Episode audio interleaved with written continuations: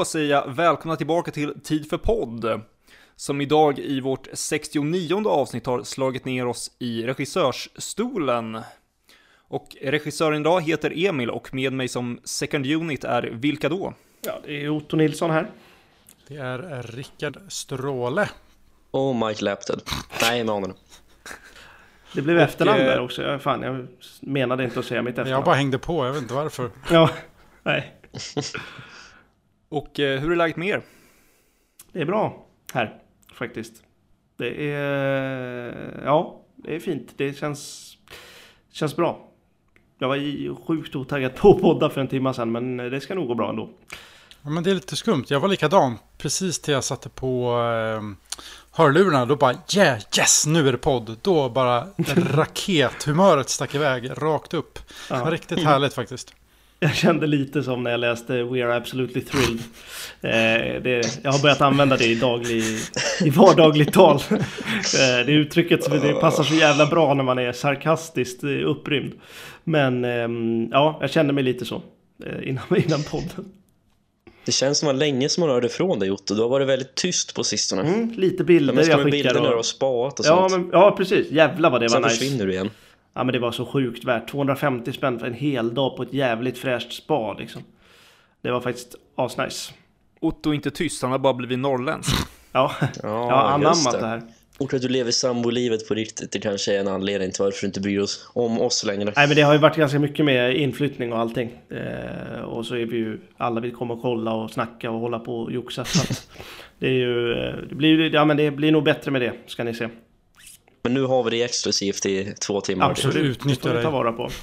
Ja det tycker jag. Ja. Som vadå? Ja, exakt. Ja, det här avsnittet är alltså en exklusiv intervju med Otto.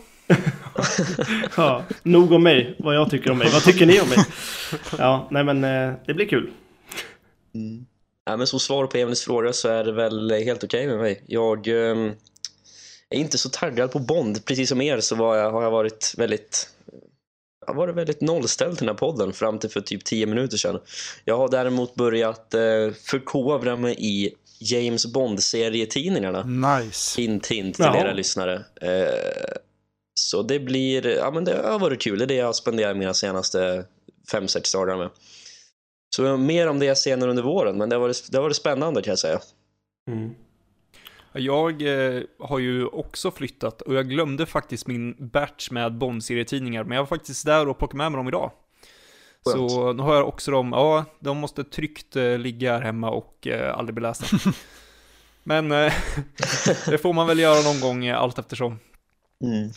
Men annars eh, så är det, jag var astaggad på den här podden förra, förra veckan. Då liksom, jag ville bara komma igång och göra det- det här avsnittet. Sen så har det bara försvunnit bort i allt annat som har hänt sen dess. Man har inte riktigt haft tid att tänka på det. Så det har, men det blev en laddning nu här sista timman, så nu tror jag ändå att det, ja, jag är på gång nu. Det är bra. Men eh, är Bond 25 på gång? Har vi någon statusuppdatering på det? Statusen är att det är kuken. Så, då kan vi gå vidare. Nej, men riktigt så mörkt är det väl ändå inte i jämförelse med hur det var för en vecka sedan. Men det har hänt lite sedan dess. Eh, Någonting, lite om vi ska tro spekulationen i alla fall. Daniel Craig har blivit äldre. Han blev ett år Ja. äldre. har blivit. Mm. Han såg fräsch ut på Oscarsgalan. Han delade ju ut ett pris i någon kategori, jag inte kommer ihåg vad det var. Men han, eh, Manliga, manliga biroll var det. ja, han kom in till Bond-temat. Det var... Mm. Han såg, han såg fräsch ut. Men du Rickard har väl bättre koll på vad som har hänt? Det känns som att det är du som uppdaterar oss i... Eh, ja, det Sen kanske... Så dagar. brukar det inte vara. Nej, men eller ja, Nej. jag vet inte. Eh, vad har hänt? Jag, jag vet inte. Det känns ju som att det här med Rami Malek eh, känns som att det går närmare och närmare någon sorts... Att det kanske blir han. Men det är ju som Mm, sagt mm. rykten. Eh, Lupita Nyong'o har både hunnit ryktas och avryktas, eller vad säger man? Men har det inte ryktats med henne i typ ett år eller någonting? Har det det? Det, det känns som att det här är typ femte gången jag hör hennes namn Mm. i de här sammanhangen. Ja, du nämnde ju henne Jag har Rickard. nämnt henne som en eh, personlig favorit, ja. Ja, precis. Och så har det väl, jag vet det ryktas om att det ska finnas en CIA-agentroll också med i filmen som inte är Felix Leiter. Får man se vad det kan innebära. Mm. Mm. Ja, det har ju varit en del rykten faktiskt som vi gick igång på. Som vi kanske inte ska gå in på här. Men ehm, Det vi diskuterade i, i vår chatt. Lite, spo lite Eh, spoilerrykt mm. och sådär kanske. Vi håller oss borta från det Ja. än så länge. kanske. Mm. I alla fall att Mm. sprida det Mm. här, där, ni, där vi inte har någon spoilervarning. Men eh, det var ett intressant rykte, tycker jag. Och det, mest, det jag tar med mig från det ryktet är väl egentligen bara att eh, den scenen i fråga i sådana fall spelas in, var det 28 och 29 mars? 25 till och med var det. Ja, eh, det var väl typ det konkreta jag tog med mig därifrån. Resten, ja, det, det är väl spännande. Ja, det känns som att om, om det blir som, som det ryktades så känns det som att det är något nytt i alla fall. Just den specifika scenen. Men eh, i slutet på mars då kanske vi har någonting konkret. Men så fort jag säger det så blir det inte så. Så jag ska hålla käften bara. Jag ska vara tyst. Alltså, alltså det är så, allt är upp och nervända världen här känns det. Så, det är Rickard som, som kommer med rykten till oss och det är, ja, jag vet inte. Det, är- ja, det blir... Vi har vuxit upp kanske. Vi har hittat Precis, så våra jag roller har i vårt återgått till barnastadiet eller vadå? Ja. Nej, jag, lovar, jag lovar att om rollerna blir ombytta när det väl händer saker konkret, då kommer Emanuel och jag gå upp i brygga alltså. Vi hoppas ju på, på att släppa någon Bond 25-podd under våren om slash när inspelningen drar igång och då lär ju i alla fall du och jag Rotto vara hypade. Ja, alltså en Skyfall 2.0 vore ju trevligt i ryktes, eller i hypeväg faktiskt. Men än så länge så vet vi väl i alla fall inte, eller sen förra podden så vet vi väl inte så mycket mer egentligen. Nej. Nej, Nej. inga Nej. konkreta fakta liksom. Men om Rickard ska leverera rykten så ska han definitivt inte göra det nu. För nu har det blivit dags för faktutmaningen. Gud vad spännande va? Ja! Ja, och jag tänker inte börja med att ställa en fråga om ni känner till ett namn. För det utgår jag från att ni gör. Och den personen heter David Bowie. Och ni vet Ja. ju vad han eh, har ryktats om i eh, Bondsvängen tidigare. Och då kan väl bara, Mm. jag gissar att eh, flera ute kanske också gör det. Men eh, han blev alltså erbjuden rollen som Max Sorin i A View to a Kill. Och det känner ju ni också till, eller hur? Yes. Mm. Precis. Mm. Och jag har läst lite på extra om det där, vad det egentligen... Vad som hände kring det där. Och dök på lite grejer som jag ändå tyckte var lite intressant. Jag tycker att det är värt att plocka upp. Och det första är från eh, faktiskt ett citat som... Det som vi pratade om eh, två veckor sedan med källkritik så är det lite oklart exakt var det här citatet faktiskt kommer ifrån. Men det står i en, eh, en eh, Bowie-biografi som heter The Complete David Bowie. Och det är ett citat från Cubby från ja, precis i början av PR-svängen kring den här filmen. Innan de hade börjat spela in. Och då sa han David would make the perfect villain. We plan to exploit his unique physical oddity. His different colored eyes and different sized eyes. Och sen sa David Bowie kort därefter och då hade ja, det låter här som att Cubby förväntar sig att Bowie ska ta den här rollen. Ehm, och strax efter så säger då David Bowie eh, på en fråga om det här Yes, I was offered that, alltså rollen. I think for an actor it's probably an interesting thing to do. But, eh, but for somebody from rock it's more of a clown performance. And I didn't want to spend five months watching my stunt double fall off mountains.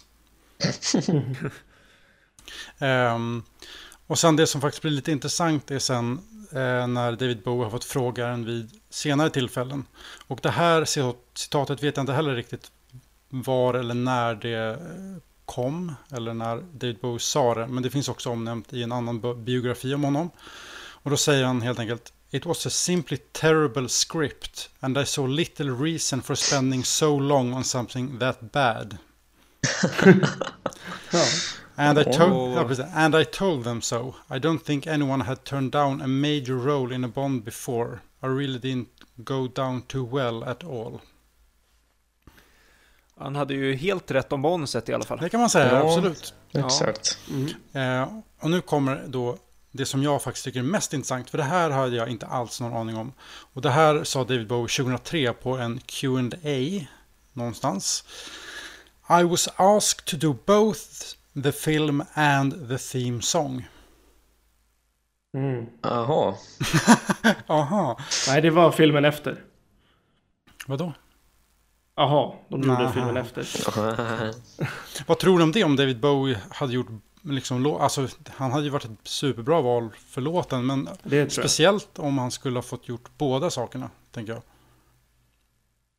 Ja, det känns Ja. väldigt märkligt. Ja, Ja, jo. Jag undrar vad det hade blivit för låt, liksom. Ja, det är så. Det hade varit konstigt om han sjunger om Bond, liksom. Och ännu konstigare om han skulle sjunga om sig själv. Som skurk, liksom. Men, eh, ja. Jag vet inte. Nej. intressant. Mm. Ja. Man får väl kanske anta att producenterna inte tänkte så långt utan bara att eh, de ville ha David Bowie för att han är både artist och för att han är skådespelare Ja. och att de kanske nödvändigtvis inte haft något med varandra att göra. Men det är en intressant tanke. Jäklar. Det hade varit en jävligt bra kombo att se Max Sorin spelas av David Bowie och Grace Jones fortfarande som Mayday. Det hade ju varit en jävla, ett jävla power couple alltså. Jag tror att de hade Ja. passat bra ihop alltså. Ja, det tror jag. Det Och. Christopher Walken gör titellåten. Ja, precis. Ja. Jag fortsätter Ja. lite citeringsmaraton här. Mm. Eh, det är samma, vid samma tillfälle så sa han, eh, nej egentligen är det väl samma eh, mening. I was asked to do both eh, the film and the theme song, but to be honest I haven't watched a James Bond film since Connerys. I don't really like them. Ouch! Ja. Det hade nästan varit konstigt om man hade gillat Bond-filmerna. Ja, David Bowie känns inte som typisk Bond-fan precis. Nej, inte riktigt. Nej, och då är det inte så konstigt att han tackar nej heller när han, har no- han blir erbjuden någonting som han egentligen inte gillar, ser manuset och det är skräp. Precis, men det som är intressant är att sen eh, Roger Moore sa eh, 2008 på också sån här Q&A eh, så sa han att David always insisted on seeing the script before signing off on anything. But Ian just couldn't get it together in time. Så det kan ju också varit så att, eh, som vanligt, att eh, Ion är lite sena på bollen med sina manus. Ja. Eh, Gra- Helvete, precis, alltså. och Grace Jones skrev sin biografi 2015 precis samma sak. Bowie also wanted to see the script and for a long time they weren't ready. They then asked Mick Jagger because they definitely wanted this to be a rock and roll MTV Bond.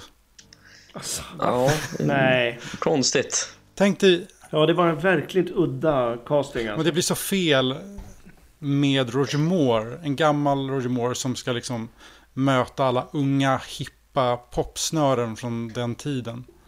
Ja, det är ganska svårt att göra en MTV Bond-film när vi har en ganska stor och gammal elefant i rummet som heter Roger Moore. Ja. ja, det är fan sant alltså. Ja. Det är så jävla, ja. Men samtidigt är jag ändå lite glad att det här inte hände för att hade David Bowie kommit in då hade vi ju tappat de två sakerna som jag tycker är bra med View till, nämligen Christopher Walken och Duran Duran på titellåten. Så att, eh, men samtidigt, ja. Samtidigt, så jag tycker David Bowie är en bra skådis och jag älskar hans musik. Alltså jag tror han hade kunnat göra en bra Bond-låt tillsammans med John Barry. Så att det. Ja, det tror jag Ja, verkligen. det, det, det tror jag med. Jag betvivlar inte att han hade kunnat gjort ett bra jobb. Samtidigt så, ja, det är um, svårt att säga. Med tanke på att man ändå gillar de två elementen som Emanuel sa i A View to a Kill. Ja, men nästan det mest intressanta är det David Bowie själv sa det där att ingen hade någonsin tackat nej till en, Bond, eller en roll i en Bondfilm förut och att det inte mottogs väl. Jag kan nästan förstå det eftersom de tänkte väl att de var stora och att det räckte med att komma med ett erbjudande för en Bondfilm och vem som helst tackar ja. Ja. Och Exakt, Bond var den i särklass största franchisen på ett sätt som som, som det, man kan diskutera huruvida den fortfarande är, men eh, då var det verkligen tveklöst den största. Mm. Mm. Men ska vi ta och tacka Rickard där för den faktan? Ja, det var det jag Ja. hade för idag. Intressant. Tack. Ja, verkligen. Man har ju vetat det där men inte eh, liksom mer fleshed out så att säga. Ja, Eh, precis. Så att det var, det var intressant. Men då tycker jag att vi går över till dagens avsnitt. Som faktiskt är ett avsnitt som ni lyssnare har eh, efterfrågat. Så då Mm. kan jag ju bara plugga för det igen att eh, har ni någon, någonting som ni vill att vi ska göra ett avsnitt om så skriv till oss. Facebook, Twitter, Instagram eller skicka ett mejl till tidforpodd.gmail.com så ska vi se om vi kan ta och göra ett avsnitt om det. För idag så blir det en genomgång av seriens regissörer. Vad som gör dem bra, vad som gör dem mindre bra och allt det där. Det har helt enkelt blivit tid för regissörer och autörer.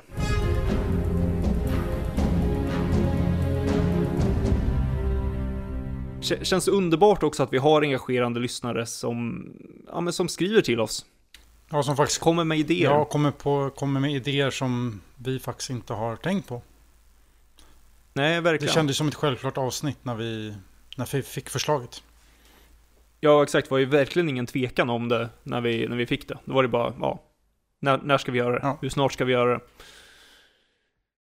Eh, men vi kan väl börja i den änden med just regissören och hur stor betydelse Eh, de har haft i Bond-serien rent historiskt. Eh, Bond-serien har ju varit en ja, men väldigt producentdriven eh, driven serie med väldigt engagerade producenter.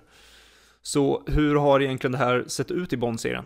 Alltså, jag har alltid haft ganska svårt att veta liksom vad en regissör gör. Jag vet ju vad en regissör gör, men jag har svårt att se när jag tittar på en film av vad är dåligt gjort av regissören. Eh, har jag alltid haft svårt för. Men eh, alltså Terrence Young har ju varit extremt viktig för serien. Tycker jag. Ja, det, det, är ju, det är ju svårt att svara på för att, eftersom ja, vi har ju inte full insyn. Men känslan är väl precis som Emil, Emil eh, sa att det är ju väldigt producentdrivet. Det är ju producenterna som har valt vilken bok som ska filmas. De har valt vilken manusförfattare som ska användas. Och sen, sen känns det som att inte regissören har varit så involverad i manusprocessen eller vad han vill göra med det manuset. Utan det är liksom... Det, det känns som att det är ett manus som har levererats och regissören har liksom tagit det. Jag vet inte om det är så. Jag vet inte om, om du har någon koll på det Emanuel. Men det, det är någon sorts känsla jag har haft i alla fall. Så det är väl egentligen att regissörerna hade ett större inflytande i början av serien och nu på slutet. Det är väl mest från 70-talet fram till början på 2000-talet som regissören kanske inte hade sett mycket att säga till om. Och det kan man väl nog peka på att det beror på olika anledningar. Men framförallt för att jag tror att Cubby Broccoli framförallt valde att ta ett större ansvar själv och helt enkelt driva filmen i den riktning han och kanske även publiken ansåg var det rätta. Så vi vet ju att han lyssnade väldigt mycket på vad biopubliken sa och tyckte om Bond-filmerna och justerade därefter.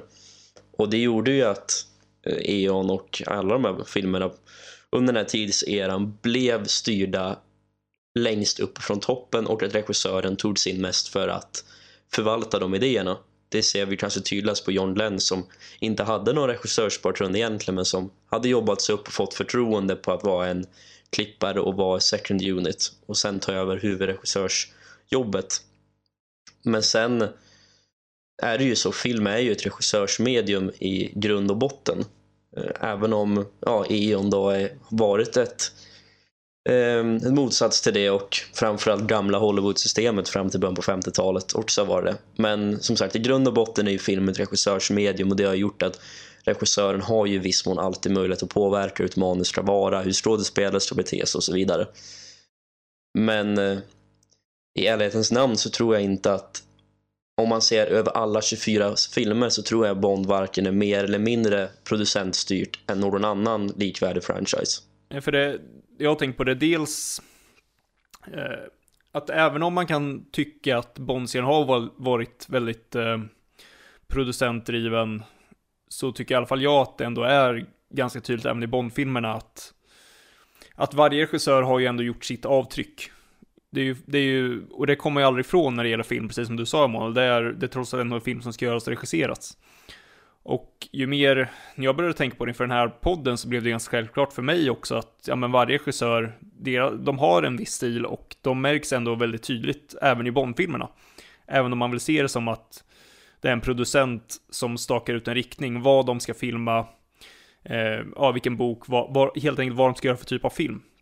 Så det har fortfarande regissörerna fått, ja men, kunnat göra ett väldigt stort intryck. Just i den egenskapen av att de är regissörer. Mm. Ja, herregud, men det ser man kanske tydligast i, mellan The Man with the Golden Gun och The Spy Loved Me. Då visserligen Cowboy Broccoli sa att okej, okay, nu ska vi ta den här inriktningen. Men för att kunna förvalta den riktningen och kunna gå åt det hållet så tog han ju in en man som är duktig på att faktiskt leva upp till det. Och det var ju Lewis Gilbert såklart. Så att, mm. jag menar, han valde en man som han ansåg var rätt för jobbet. Och den här mannen, Lewis Gilbert, var ju onekligen rätt för det typen av jobb. Och det är mm. på grund av hans stil att göra film. Ja, för vad, vad bör en regissör ha för erfarenhet och bakgrund för att, för att göra det? Du var inne på Gilbert. Det är ju en högst relevant fråga idag och senaste halvåret eh, efter Danny Boyles avhopp och vem som ska ta över där och så. Och eh, det är så svårt för jag minns vi pratade om det i vårt första Bond 25 avsnitt att aha, vem ska vara istället och vem är Danny Boyle rätt man för det här jobbet och så vidare. Eh, för det är så svårt att avgöra vad den här skådespelaren gör när de väl får uppdraget. Men jag tror att i grund och botten så måste det vara en bra, bra berättare. Någon som har förståelse av Bond och kunna berätta en berättelse kompetent. Ja, men jag tror att vi har nämnt det förut också. Att just det här att gäller framförallt att hitta en regissör som verkligen har ett intresse för Bond. Och vill göra en Bondfilm lite innanför de ramarna som ändå förväntas. Nu har väl Leon varit ganska bra på att kanske ändå hålla filmerna inom de ramarna. Även om man har tagit lite ovanliga val för Bond. Och det är väl i deras eget intresse som regissörer att inte fucka upp det för mycket. Men det är svårt det där för att eh, Ion har ju gått senare, senaste 15-20 åren väldigt mycket på, på dramaregissörer. Och jag tycker inte, det behöver inte vara fel, men jag är inte helt säker att det är heller den bästa ingången till Bond. Heller. Eh, det är svårt vad man ska ha för, för, för bakgrund. Jag är inte helt säker på att just det är rätt väg att gå, för Bond är ju trots allt ändå i grund och botten väldigt mycket action. Och oavsett hur mycket man än kanske inte ser Bond som en actionfilm så kommer det alltid, även om man gör en mer thrillermässig eller spionthriller eller någonting, så kommer det alltid vara actionsekvenser. Och då kommer det inte riktigt vara ett, ja men, tungt drama alla gånger. Så jag är inte heller helt säker på om det är just exakt den typen av regissör man ska ta. Men annars är det just det där med förståelsen för Bond. Jag, det tror jag säkert jag tjatat sönder om hur många gånger som helst, men de måste förstå Bond. Och de första två frågorna som de ställer till en, till en potentiell regissör, det är ju vad är din syn på Bond och vart, vad är din, din vision för nästa Bond-film? Vart vill du ta Bond i framtiden? Och kan de inte besvara de två frågorna, då har de ingenting med Bond att göra. Nej, precis. Jag är helt enig.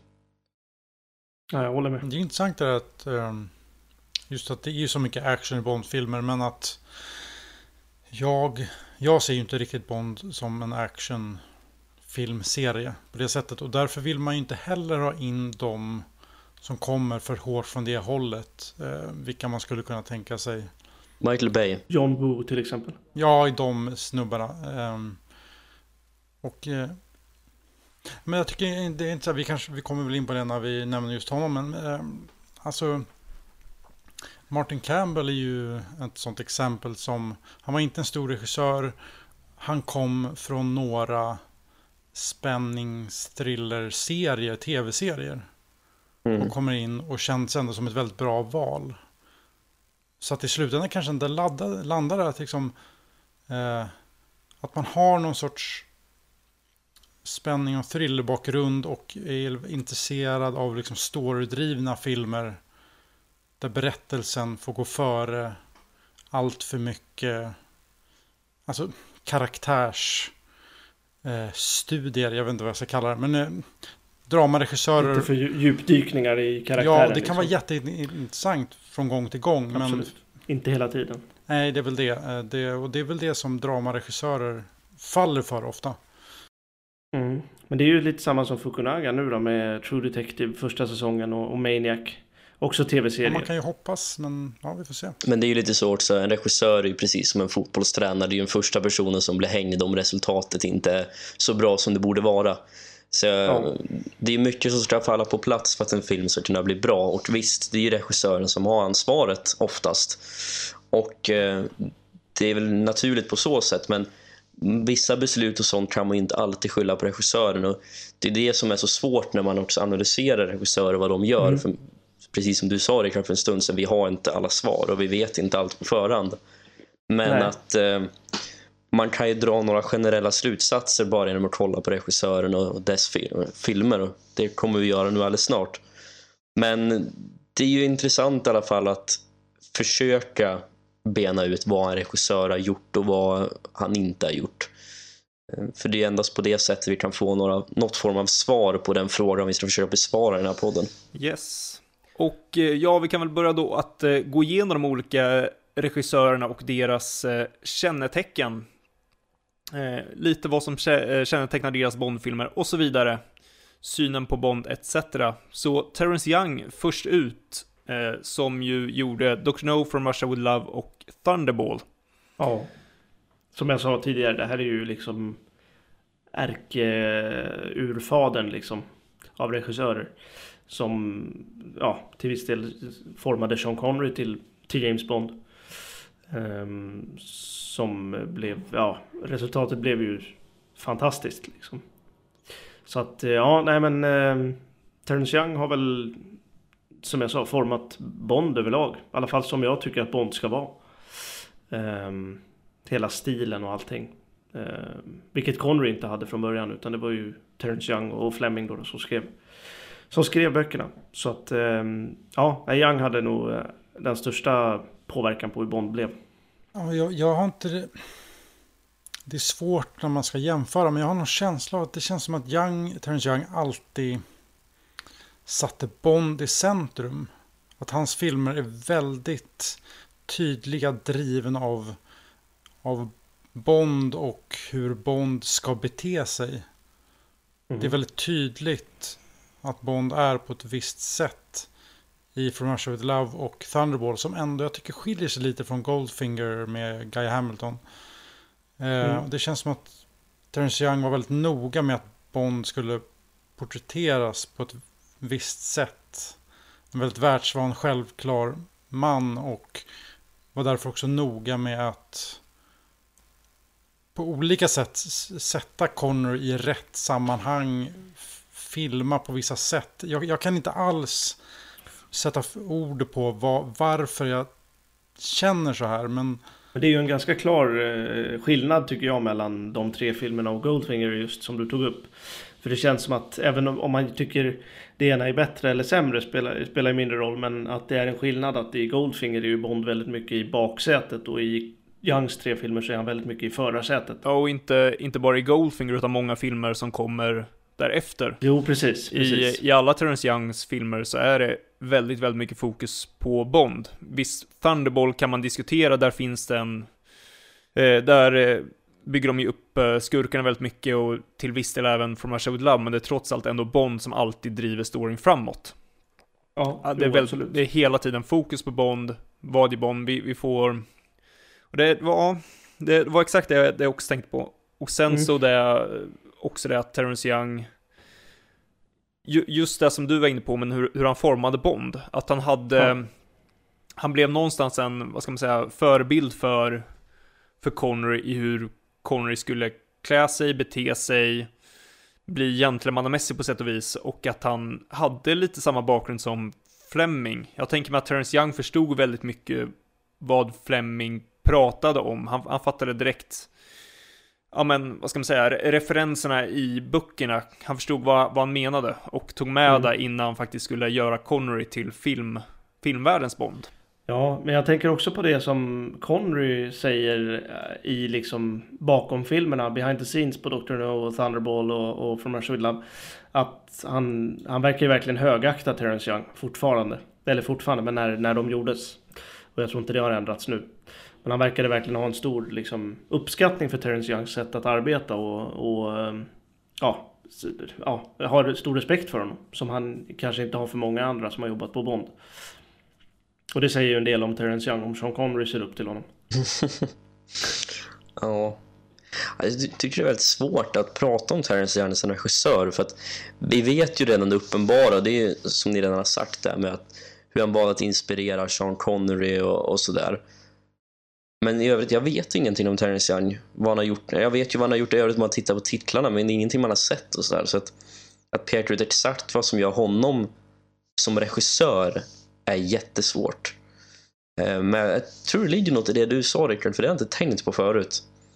Att eh, välja att verkligen sätta Bond i centrum hela tiden. Och jag tror vi pratade om det när vi hade filmteknikavsnittet.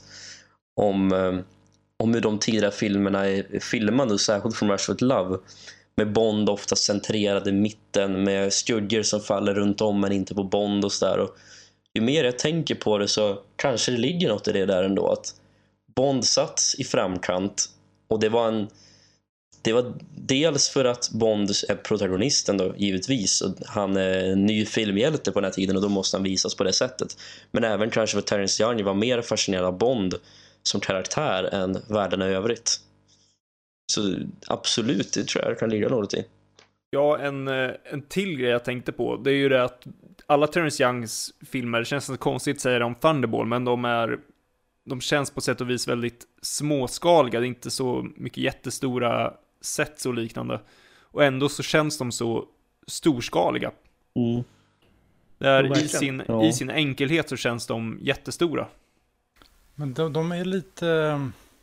Precis, de är lite episka på det sättet. Just det, den lilla karaktären mot det här stora hotet. Eller vad man ska. Ja, det är en, ja, de, de har en speciell stämning de här Terence Young-filmerna faktiskt. Det är, det är lite svårt att sätta fingret på exakt vad det är, men det kan också vara en sån grej faktiskt, som du innan nosar på Emil.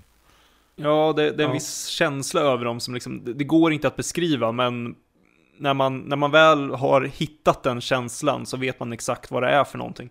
Mm. Den kan jag bara hitta i Terence Youngs filmer. Ja, det är ju ja. svårt att jämföra med, alltså om, om någon annan hade gjort Thunderbolt så hade den sett ut på ett helt annat sätt. Även om det hade blivit en stor film såklart. Men, men ehm, det, ja, det, det ligger något i det. Att det är liksom det är storslaget men litet på något sätt. Det, ja, det är väldigt svårt att förklara men jag håller med det, det är liksom... Jag menar till och med, till och med Dr. No med sin pyttebudget där Bond bara glider runt lite på trasiga vägar på Jamaica känns ju som ett jättestort äventyr. På något ja, sätt. Absolut. Mm. absolut. Och, en, eh, och just det som du var inne på, den här ja, men, mänskliga mannen som är James Bond som ska rädda världen. Ja, det, det är något, ja, det, det, är något speciellt med det. Jag vill bara flika in med en sak till och det är nog att de här filmerna är de är riviga på ett sätt som de andra Bond-filmerna inte är. I alla fall inte de närmsta. De är brutala och eh, intensiva. Och ganska sexiga filmer också. Och eh, det tror jag har någonting med Terrence Young att göra också. Att just att de de är väldigt speciella på det sättet. För sen när vi kommer in på Guy Hamiltons filmer så är det en väsentlig skillnad. Eh, men de här filmerna är verkligen lean and mean. Även om Thunderball avviker lite från det så tycker jag ändå att grundessensen i den filmen håller samma känsla som Dr. No from Rushwood Love. Du får gärna fortsätta och utveckla dina tankar på Guy Hamilton, som vi kan säga gjorde Goldfinger, Diamonds of Forever, Live and Let Die och The Man with the Golden Gun. Ja, han var ju en mer traditionell regissör. Han, han var ju mer naturlig med att göra, det, göra engelska filmer. Om man går in och kollar på hans sida på IMDB så är första meningen så här. Eh, Guy Hamilton was a typical British stiff upper lip war dramas and action adventure laced with moments of sophisticated comedy were his trademark. Ja, det förklarar ju ändå lite varför han kom in och gjorde Goldfinger på det sättet. Han gjorde mer traditionella äventyrsfilmer som var lite mer lättsamma. Och eh, de är ljusare och gladare. Ja, men just den meningen sophisticated, uh, vad stod det? Comedy, eller vad stod det? Comedy, ja. Känns ju väldigt, det är ju som stämplat över hela Goldfinger. Mm. Mm. Ja, men han, kom, eh, han kom in och slog in en lättsammare ton till det och det blev mer äventyr. Jag tänker på det även, jag har inte sett sådär jättemycket annat som han har gjort, men han har ju bland annat gjort Battle for Britain som jag ändå har sett. Och den är ju knappast någon sån här tät, äh, tät äh, krigsthriller, utan den är ju trots allt också lite mer av en lättsammare krigsäventyr. Eh, precis som hans Bondfilmer då. Så det kanske är, eh, ja men hans stil, precis som du beskrev Emanuel. Men det, det är ju också att, att eh, Terence Youngs liksom agentvärld som han målar upp är ju förvisso som eh, Emanuel sa, den är ju rätt brutal men den är också väldigt, väldigt romantiserad och den, den liksom 50-talsagentvärlden på något sätt. Men så fort Guy Hamilton kommer in så blir det... Han, han får liksom in något sorts absurt sken över sina filmer. Eh, det, det är liksom karaktärerna är lite mer skruvade. Saker som händer är lite mer skruvade. De är liksom inte jordade på samma sätt. Och det måste ju, alltså jag gissar att Hamilton själv inte tog den här agentvärlden på särskilt stort allvar. Nej, men så känns det ju. Och eh, det är ju just att det, det, är lite mer ironiskt över det hela. Det, de, eh, de tar inte det på samma stora allvar längre och det genomsyrar alla hans filmer egentligen. Eh, det tycker jag. Ibland i Goldfinger så hålls det på en, en ganska jämn nivå och liksom världen filmer utspelar sig tas på allvar och sen har vi ju en film som Diamonds of Forever som är betydligt mer åt parodihållet men i båda filmerna så känner man ändå att Guy Hamilton någonstans står där och tycker att det här är roligt medan Terrence Young kanske snarare tyckte att det här är något vi ska ta på fullaste allvar. Ja, exakt. Um, för det, det är precis som jag är inne på, för även om Goldfinger är en väldigt jordad film så är det trots allt ändå en ganska stor tonal skillnad mot From Russia With Love. Som verkligen är den täta spionthrillern. Så, alltså, och då är Goldfinger ändå, tycker jag, kanske den mest, ja, Live and Let Die kom väl ganska nära utav hans andra filmer, men The Man with the, uh, the, Man with the Golden Gun och Diamonds of Forever är ju, alltså, parodiska i det närmsta. Ja, det är ju komedier i förhållande till ja. till Goldfinger liksom. Men, eh, nej, men jag, jag, jag har alltid tyckt att det ligger ett litet lökigt sken över, Go, över eh, Guy Hamiltons filmer. Möjligtvis inte Goldfinger då, men de andra, ja, jag vet inte. Jag får, jag får lite så här, om, om eh, Terrence Young var en eh, sylvass kniv. Hans filmer var sy, en sylvass knivsägg så är ju Guy Hamiltons filmer, ja, en kniv som man har använt i tio år kanske, som börjar bli lite slö. Um, in, in, inte liksom dåligt, den fungerar ju fortfarande, men det, det, det är märkbart liksom lite mindre seriositet i det och lite mindre kanske också kvalitet i det. Um, tycker jag. Just det beror på vad man tycker om. Jag tycker inte det... Jo, såklart. Det behöver, det behöver såklart. egentligen inte vara något dåligt. För att jag tycker att Guy Hamilton, i alla fall i två av filmerna, eh, gjort ett väldigt bra jobb.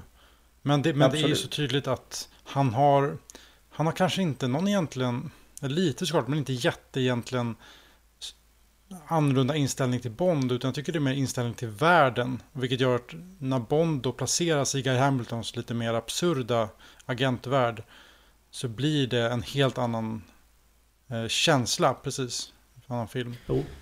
Ja, för jo, dit tänkte jag också komma, för jag menar, jag tycker inte Bond märkbart förändras och blir en helt ny karaktär i Guy Hamiltons filmer.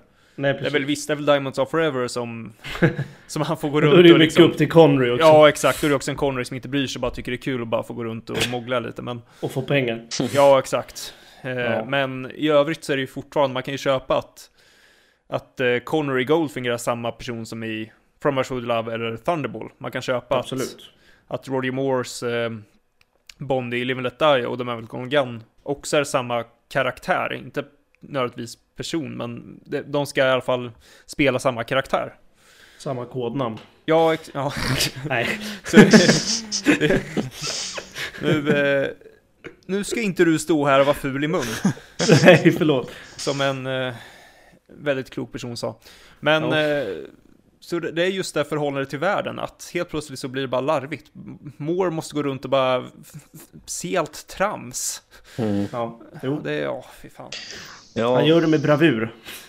För det är ju också det att i de här fyra filmerna är det ju som att det händer mycket mer runt om Bond och Bond är betydligt mer passiv.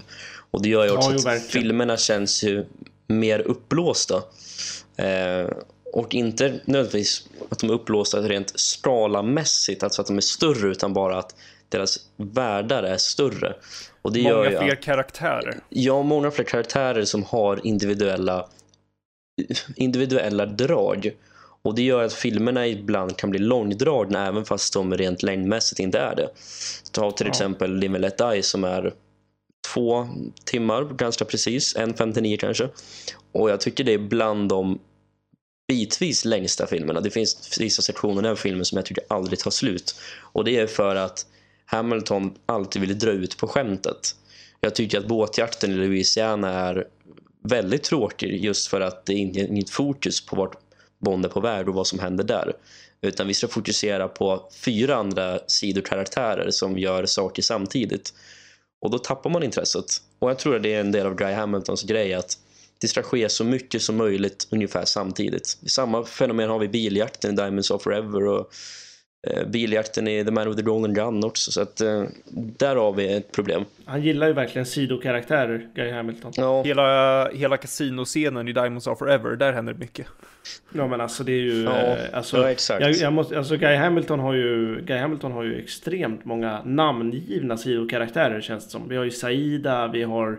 Jag, jag minns fan inte namnet på alla, men i The the Golden Gun har vi ju hur många som helst ju. Ahmed. Eh, ja, vi har ju Ahmed, vi har ju alla. Och alla ska vara just namngivna. Det är liksom Kapungo i Goldfinger.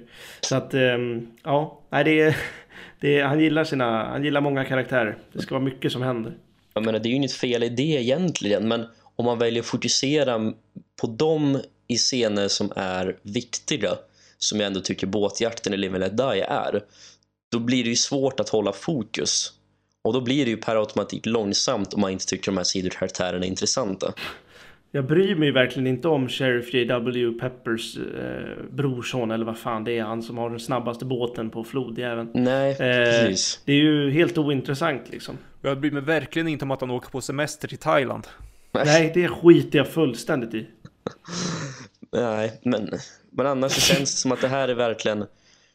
Om Bond-filmerna någon gång hade åkt på semester, då hade det varit de här filmerna de hade åkt till. Typ. Det var ljust och glatt och lite, lite avslappnat hela tiden. Det är liksom manjana manjana stämning i alla hans filmer. Hans, eh, hans filmer är Musse Piggs eh, campingsemester, eller vad det heter. Exakt. Ja, precis. För Ja, när, i- hade, hade, hade Mannen med den gyllene pistolen regisserats av eh, Terrence Young så hade ju inte den där thailändska pojken hoppat upp i Moores båt i alla fall. Det är ju givet. det är väldigt givet. Nej, för det är väldigt intressant just det med, alltså jag tror att Terrence Young hade tagit, eh, om han hade tagit The Man with the Golden Gun så tror jag då hade det blivit mycket mer fokus just på The Man with the Golden Gun och Bond. Nu Absolut. känns det liksom ofokuserat i den filmen på ett sätt som man inte känner igen sig i Terrence Youngs filmer. Det blir ju, det hänger ju ihop det där också. Och det är ju såklart alltid, men att när filmerna går bra så fortsätter de ju på det viset. Och Diamonds of Forever var en stor succé så Live and Die fortsätter på samma sätt och Live and Die var en ännu större succé så det är inte så konstigt egentligen men, men det känns ju som att när man tittar på Guy Hamiltons filmer är att det skulle vara mer fokus på världen Bond är i och det kanske var för att biopubliken var inte så intresserad längre av att vara Bond utan att vara i världen han befinner sig i. Och det lyckas ju ändå Guy Hamilton göra. Mm. Jo, absolut. Jag menar, när hans filmer väl fokuserar på vad handlingen kräver. Ta bara som ett exempel när, när Bond besöker Lazar i Man of the Golden Gun. Då är det ju riktigt Ja. bra. Eller när Bond tar sig upp till Willard Whites våning i Diamonds of Forever. Det är också riktigt bra. Eller stora delar av Goldfinger. Eller ja, Ja, typ hela Goldfinger. Men vi har ju laserbordsscenen till exempel i laserbord. Det har man inte sagt förut. Men den scenen med Goldfinger, Do you expect me to talk? Liksom en av Ja, seriens mest kända scener. det är absolut inte fel det Guy Hamilton har gjort. Och jag menar, Nej. jag har två av hans filmer i min topp 10. Så jag, jag gillar hans filmer, det är bara att det är ett helt annorlunda sätt att göra mot Terrence Young och det kanske inte alltid funkar. Vilka är det du har? Eh, Goldfinger och Man with the Golden Gun. Ja, det är det. Jag skulle, jag skulle kunna tänka så här att Goldfinger första timman innan de åker till USA, det är Terrence Young och sen så resten av, då är det Guy Hamilton och så släpper han aldrig det. För då börjar det också bli väldigt mycket ofokus på Bond, olika karaktärer och det händer massa andra Det är saker. sant. Mm. Sen så är det där till The Man with the Golden Gun. För det är intressant eh, det Guy Hamilton sa när han satt i bion, biopubliken och kollade på Goldfinger i någon engelsk stad.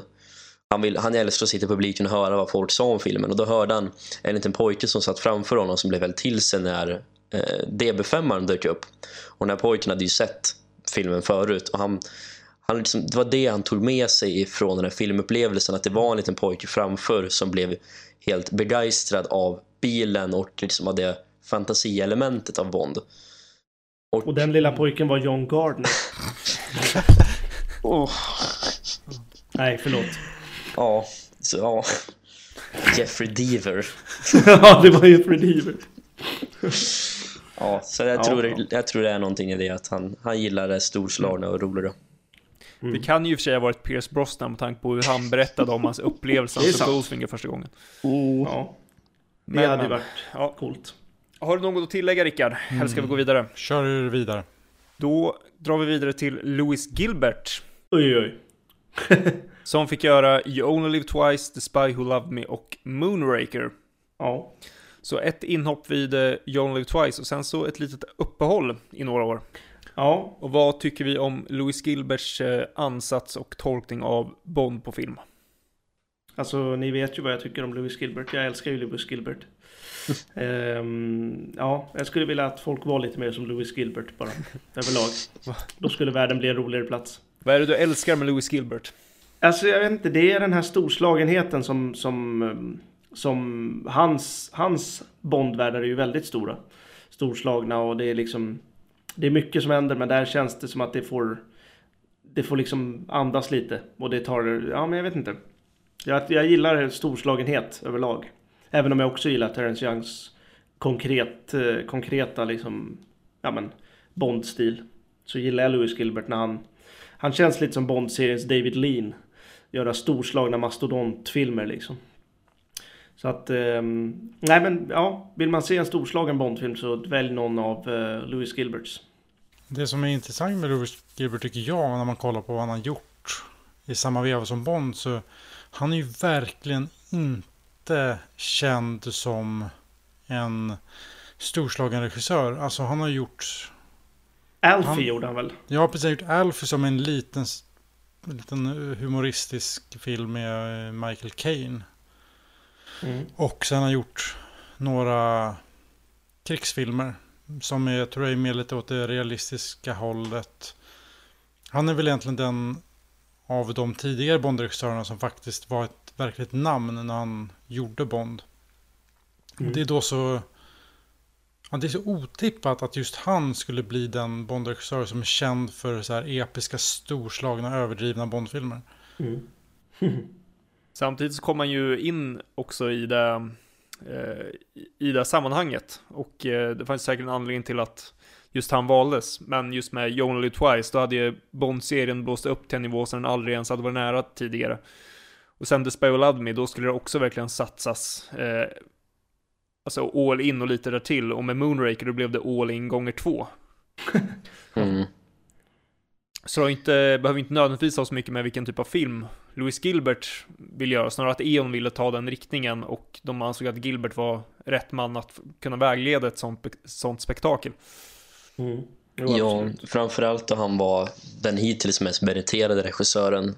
Eh, Han hade ju hållit på att regissera i nästan 20 år när han tog You Only Live Twice. Och eh, precis som du sa Rickard, hans filmer innan utmärkte sig väl inte att vara storslagna eposträtt som John Live Twice ändå är i viss mån. Men det de filmerna alla har gemensamt det är att det är väldigt många skådespelare inblandade. Det är ofta ett äventyrselement och det är eh, det är en, antingen en krigsfilm eller någonting åt det romantiska hållet. Och där man såg Bond-serien 1967 så får man väl ändå se det som någon form av korsning av det. Och eh, Louis Gilbert såklart, han var ju Oscars-nominerad. Eh, han inte för bästa regissör men bästa film i Alfie. Så att det var en regissör som ändå höll en viss nivå. Och jag tror det var viktigt när de visste att det var ett sånt här stort projekt de skulle eh, få fram 1967. Ja. Jag tycker också det är intressant eh, med eh, Louis Gilbert för och just skillnaden mellan You Only Live Twice och sen han gjorde The Spy Love Me tio år senare. Hur, eh, ja men den var ju ofantligt mycket större tycker jag än You Only Live Twice. Eh, och kanske kunde vara lite större också eftersom det hade gått tio år. Eh, med filmteknik och allt vad, allt vad man har. Men jag tycker det ändå var en märkbart ännu större skillnad mellan just You Only Live Twice och The Spy Love Me och Moonraker. Eh, att det blev liksom storslaget som du sa Emil, gånger två med de filmerna. Ja, den är ju storslagen på ett helt annat sätt än vad Ja. eh, You Only Live Twice är. Mm. The Spy Who Loved Me är ju verkligen mer ett åka ut på äventyr, film över, ja, jag ska inte säga hela jorden, men ett, par ett par kontinenter i alla fall. Ja. Eh, med det sagt så tycker ju inte jag att eh, de, hans filmer alls tappar fokus på Bond på det här sättet som kanske Guy Hamiltons filmer gjorde. Jag Nej. tycker ändå att Bond verkligen är i centrum och får driva det här äventyret. Verkligen. Ja, jag tänkte precis Jo, det tycker jag säga också. samma sak. Mm. Mm. Jag tycker det är, det är ju det är ju få filmer, i alla fall som jag kan komma på på rak arm, där jag tycker att världen står under liksom så stor, stort hot som det gör i Louis Gilberts filmer. Han får fram det väldigt bra, tycker jag. Den spänningen som kommer av slutet och klimaxet. Sen kan man ju tycka vad man vill om klimaxen i sig, men själva spänningen och känslan av att världen står inför liksom en härdsmälta, det, det har han verkligen lyckats med. Och Bond är liksom i mitt, mitt i den smeten. Eh, så det, ja, det, det tycker jag också om med de filmerna han har gjort. Ja, och det är också det att när de tar sig an de här enorma proportionerna så kräver det att de har någon som står där vid rodret och är helt säker på sin sak. Och Lewis Gilbert, han, han visste vad han höll på med. Men det är ju ganska Ja. tydligt rent tekniskt sett. Och absolut, han hade ju folk runt om sig som var on top of their game. Så jag menar, i John Twice har John Barry, Freddie Young, Ken Adam runt om sig. Men att han, han var ändå chefen. Jag menar, det är därf- nästan därför jag tycker att Live Twice rent ut regimässigt synsätt är den mest imponerade av hans tre filmer. För att det gick på ett sätt från 0 till 100 från Thunderball. Allting skruvades upp på ett helt annat sätt. Eh, Efter The Man with the Golden Gun och vi gick in i Spy Loved Me så var det ändå ett, ett team som ändå har varit där lite och gjort de här typerna av filmerna. Eh, Så steget där var inte lika stort, men här tog de verkligen ett språng ut i det okända och då var det viktigt att Louis Gilbert stod där och visste vad som skulle göras. Jo, absolut. Och menar, det är ju i mångt och mycket en snyggare film och mer episk film än de tidigare fyra kombinerat. Jo, absolut. Eh, Och, Det har jag också tänkt på faktiskt med, med Gilbert. och det finns ändå ganska mycket intressant i You Live Twice som, som händer runt om. Det är en del karaktärer som finns runt om där och handlingen är ju spretig men som ni sa, Bond är ändå i centrum och låter det här drivas på utan att vi någonsin riktigt tappar fokus. Nej, men så i mitt tycke så tycker jag att You Only Twice är den bästa och kanske renaste Louis Gilbert-filmen för sen kommer det mycket annat som stör i hans två uppkommande filmer. Och vilken fantastisk film överlag där. Oj, oj. Ja, den är, den är riktigt bra. Bara en sån sak i You Only Live Twice, att det är första gången M är på fältet till exempel, i en ubåt, bara gör det ännu mera, ännu mera eh, eh, akut på att säga. Det problemet och krisen som Bond ska hantera i filmen. Ja, en sån sak och sen bara nästan det mest intressanta en regissör har gjort hittills, eller kanske det mest intressanta rent visuellt. Det, det är ju torchfighten i Only Twice. Ja, den är extremt snygg. Alltså, de hade kunnat gjort det som en vanlig fight-sekvens. Bond springer och vi ser kameran följa på, på taket eller vi ser bara närbilder på en slåss. Men här väljer Lewis Gilbert sätta kameran på en helikopter som sen lyfter och vi ser allt en enda tagning. Men det kräver ju cojones av Guds nåde. Ja, jo, det krä- ja, jo, verkligen. Det kräver ju koreografi och eh, cojones, Ja. som sagt var. Det är lite roligt att se eh, liksom Louis Gilbert hur han ser ut. eh, Eller hur han såg ut när han levde liksom. Men eh, att eh, han ser verkligen inte ut som en Han ser verkligen inte ut som en människa med mycket cojones om man säger så. Han ser väldigt, han ser väldigt skör ut. Ja, är det någon som har mycket cojones så är det ju typ Robert Davi eller någon som är liksom Frans Sanchez. Men jag vet inte. Det, Louis Gilbert ser verkligen inte ut som en människa som gillar mastodontproduktioner. Nej. Så var det det han fick göra. Ja, precis. Han ser ut som en kille som njuter av eftermiddagskaffet och god kväll. Liksom. Men det, det, jag vet inte. Det, det är enastående hur en man kan mm, inte, inte passa in på sitt utseende så extremt mycket som Louis Gilbert kan. Eller så var det att han hade fötterna på jorden som gjorde att han kunde ratta det här. Det är sant. Jag tror liksom att sätta in honom i en sån här i en sån här produktion. Jag tror han verkligen gillade det han gjorde och när man lyssnar på intervjuer på senare år så hyser han extremt stor respekt för alla runt om honom och det var nog för att han han litade på folk runt om att göra det bästa jobbet någonsin och det gjorde att han kunde komma med de här sjuka idéerna för han visste att folk skulle kunna utföra det. Jag menar, som sagt, han hade Sean Connery, han hade John Barry, Freddie Young, Ken Adam Roger Moore. och Roger Moore senare. Det är helt otroligt. Mm. Han var väl också den, den första regissören som faktiskt plockade typ de bästa eh, fotograferna i för sin tid liksom. Ja, absolut. Ja, absolut. Renoir och Ja, exakt. Freddie Young och... Och, eh, vi var ju inne och snackade lite om det i filmtekniksavsnittet, men det finns ju stundtals geniala eh, klippningar i de här filmerna som han absolut måste ha godkänt. Så att jag hyser stor respekt för Lewis Gilbert i alla hans tre filmer, även om det gick lite, lite nerför senare. Eh, framförallt i Moonraker kanske. Mm. Då tycker jag vi avslutar med det. Sen så går vi vidare. Och eh, nu tycker jag att det är hög tid att snacka om eh, dels eh, det här avsnittets första engångsregissör. Men också den första regissören som ju hade sin bakgrund i Bond-serien fast i andra roller. Nämligen Peter Hunt. Som regisserade Secret Service. Ja. Och eh, vi kan väl börja i den änden med just det här eh, fenomenet som det kommer flera, eller en till, som hade en annan roll och sen eh, fick ta över regissörstolen. Ja, det är väl det. Det är väl här det är. Det är här man tänker att gud vad Bond-serien måste ha varit producentdriven för att de ens ska våga slänga in en helt eh, ovan regissör och ta hand om en sån här stor, stor film. Och sen när man ser Secret Service så är det så känner man att vänta nu, det här är jag tycker att Secret Service känns otroligt regidriven. Peter Hunt har verkligen en helt egen idé vad han vill göra med Bond i förhållande till vad, hur det är i Only Live Twice. Som han, det känns som att han har lyckats övertala producenten att jag vill göra den här filmen på det här sättet. Låt mig göra det. Otroligt vågat av producenterna att eh, lita på Peter Hunts eh, idéer. Det, det, tycker jag, det tycker jag är väldigt fascinerande.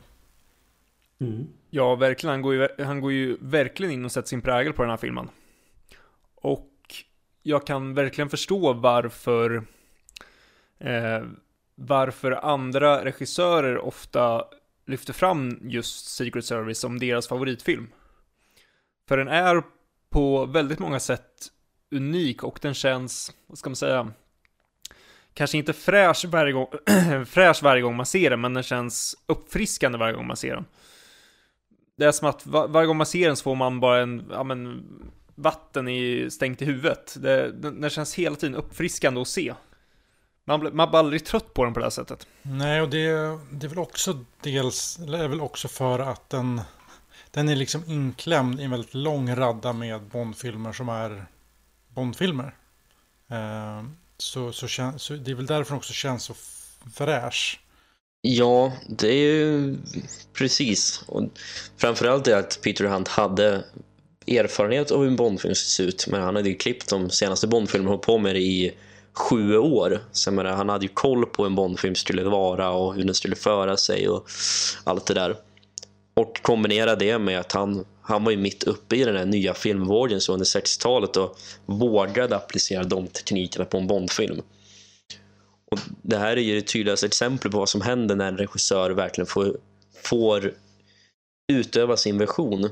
Jag menar, han har ju gått och drömt om att få regissera den här filmen i åtminstone fyra fem år och han hade ju säkert väldigt konkreta idéer redan från dag ett. Och eh, det märks. Och det är ju, därför är det särskilt tråkigt att han knappt klippte någonting efter On Match City Service och han regisserade ju knappt någonting heller därefter.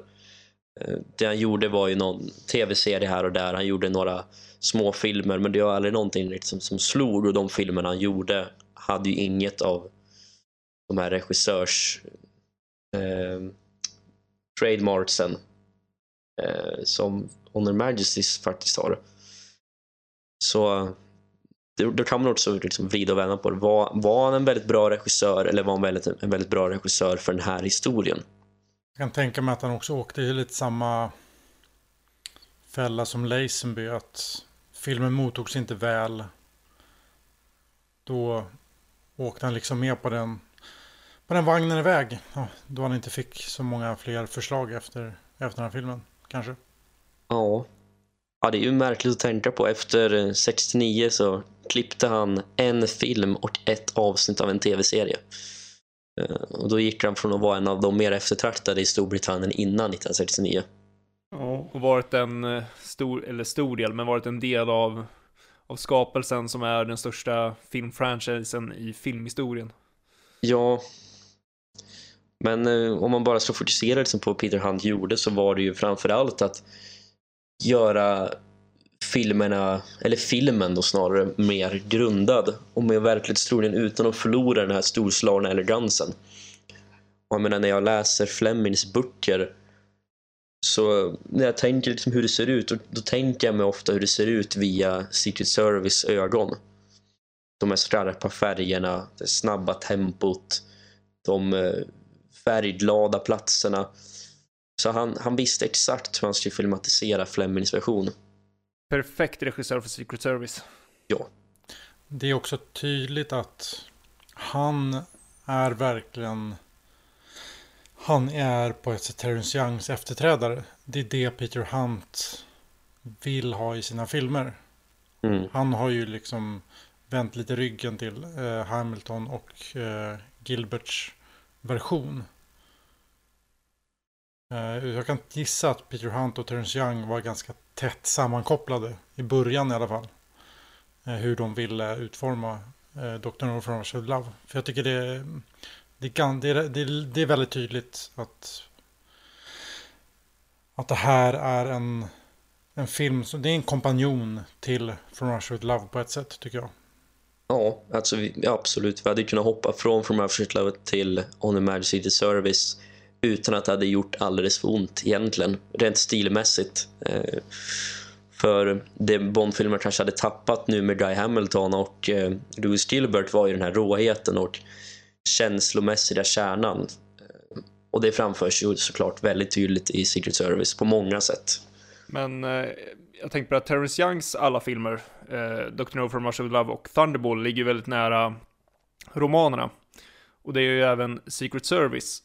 Tror ni att det hade mycket att göra med, eller om det hade någonting att göra med hur Peter Hunt och Terrence Young förhöll sig till böckerna, att de var stora fan av böckerna och Flemings Bond och därför ville få över den på film?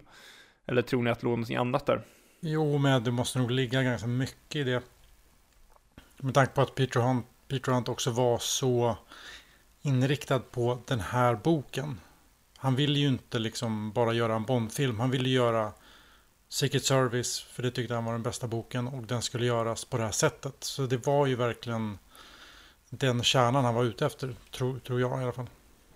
Ja, och det är ju också intressant det där med att Guy Hamiltons Goldfinger, eh, den filmen är ju ganska olik boken Goldfinger. De ändringarna som gjordes i filmen var väl nödvändiga.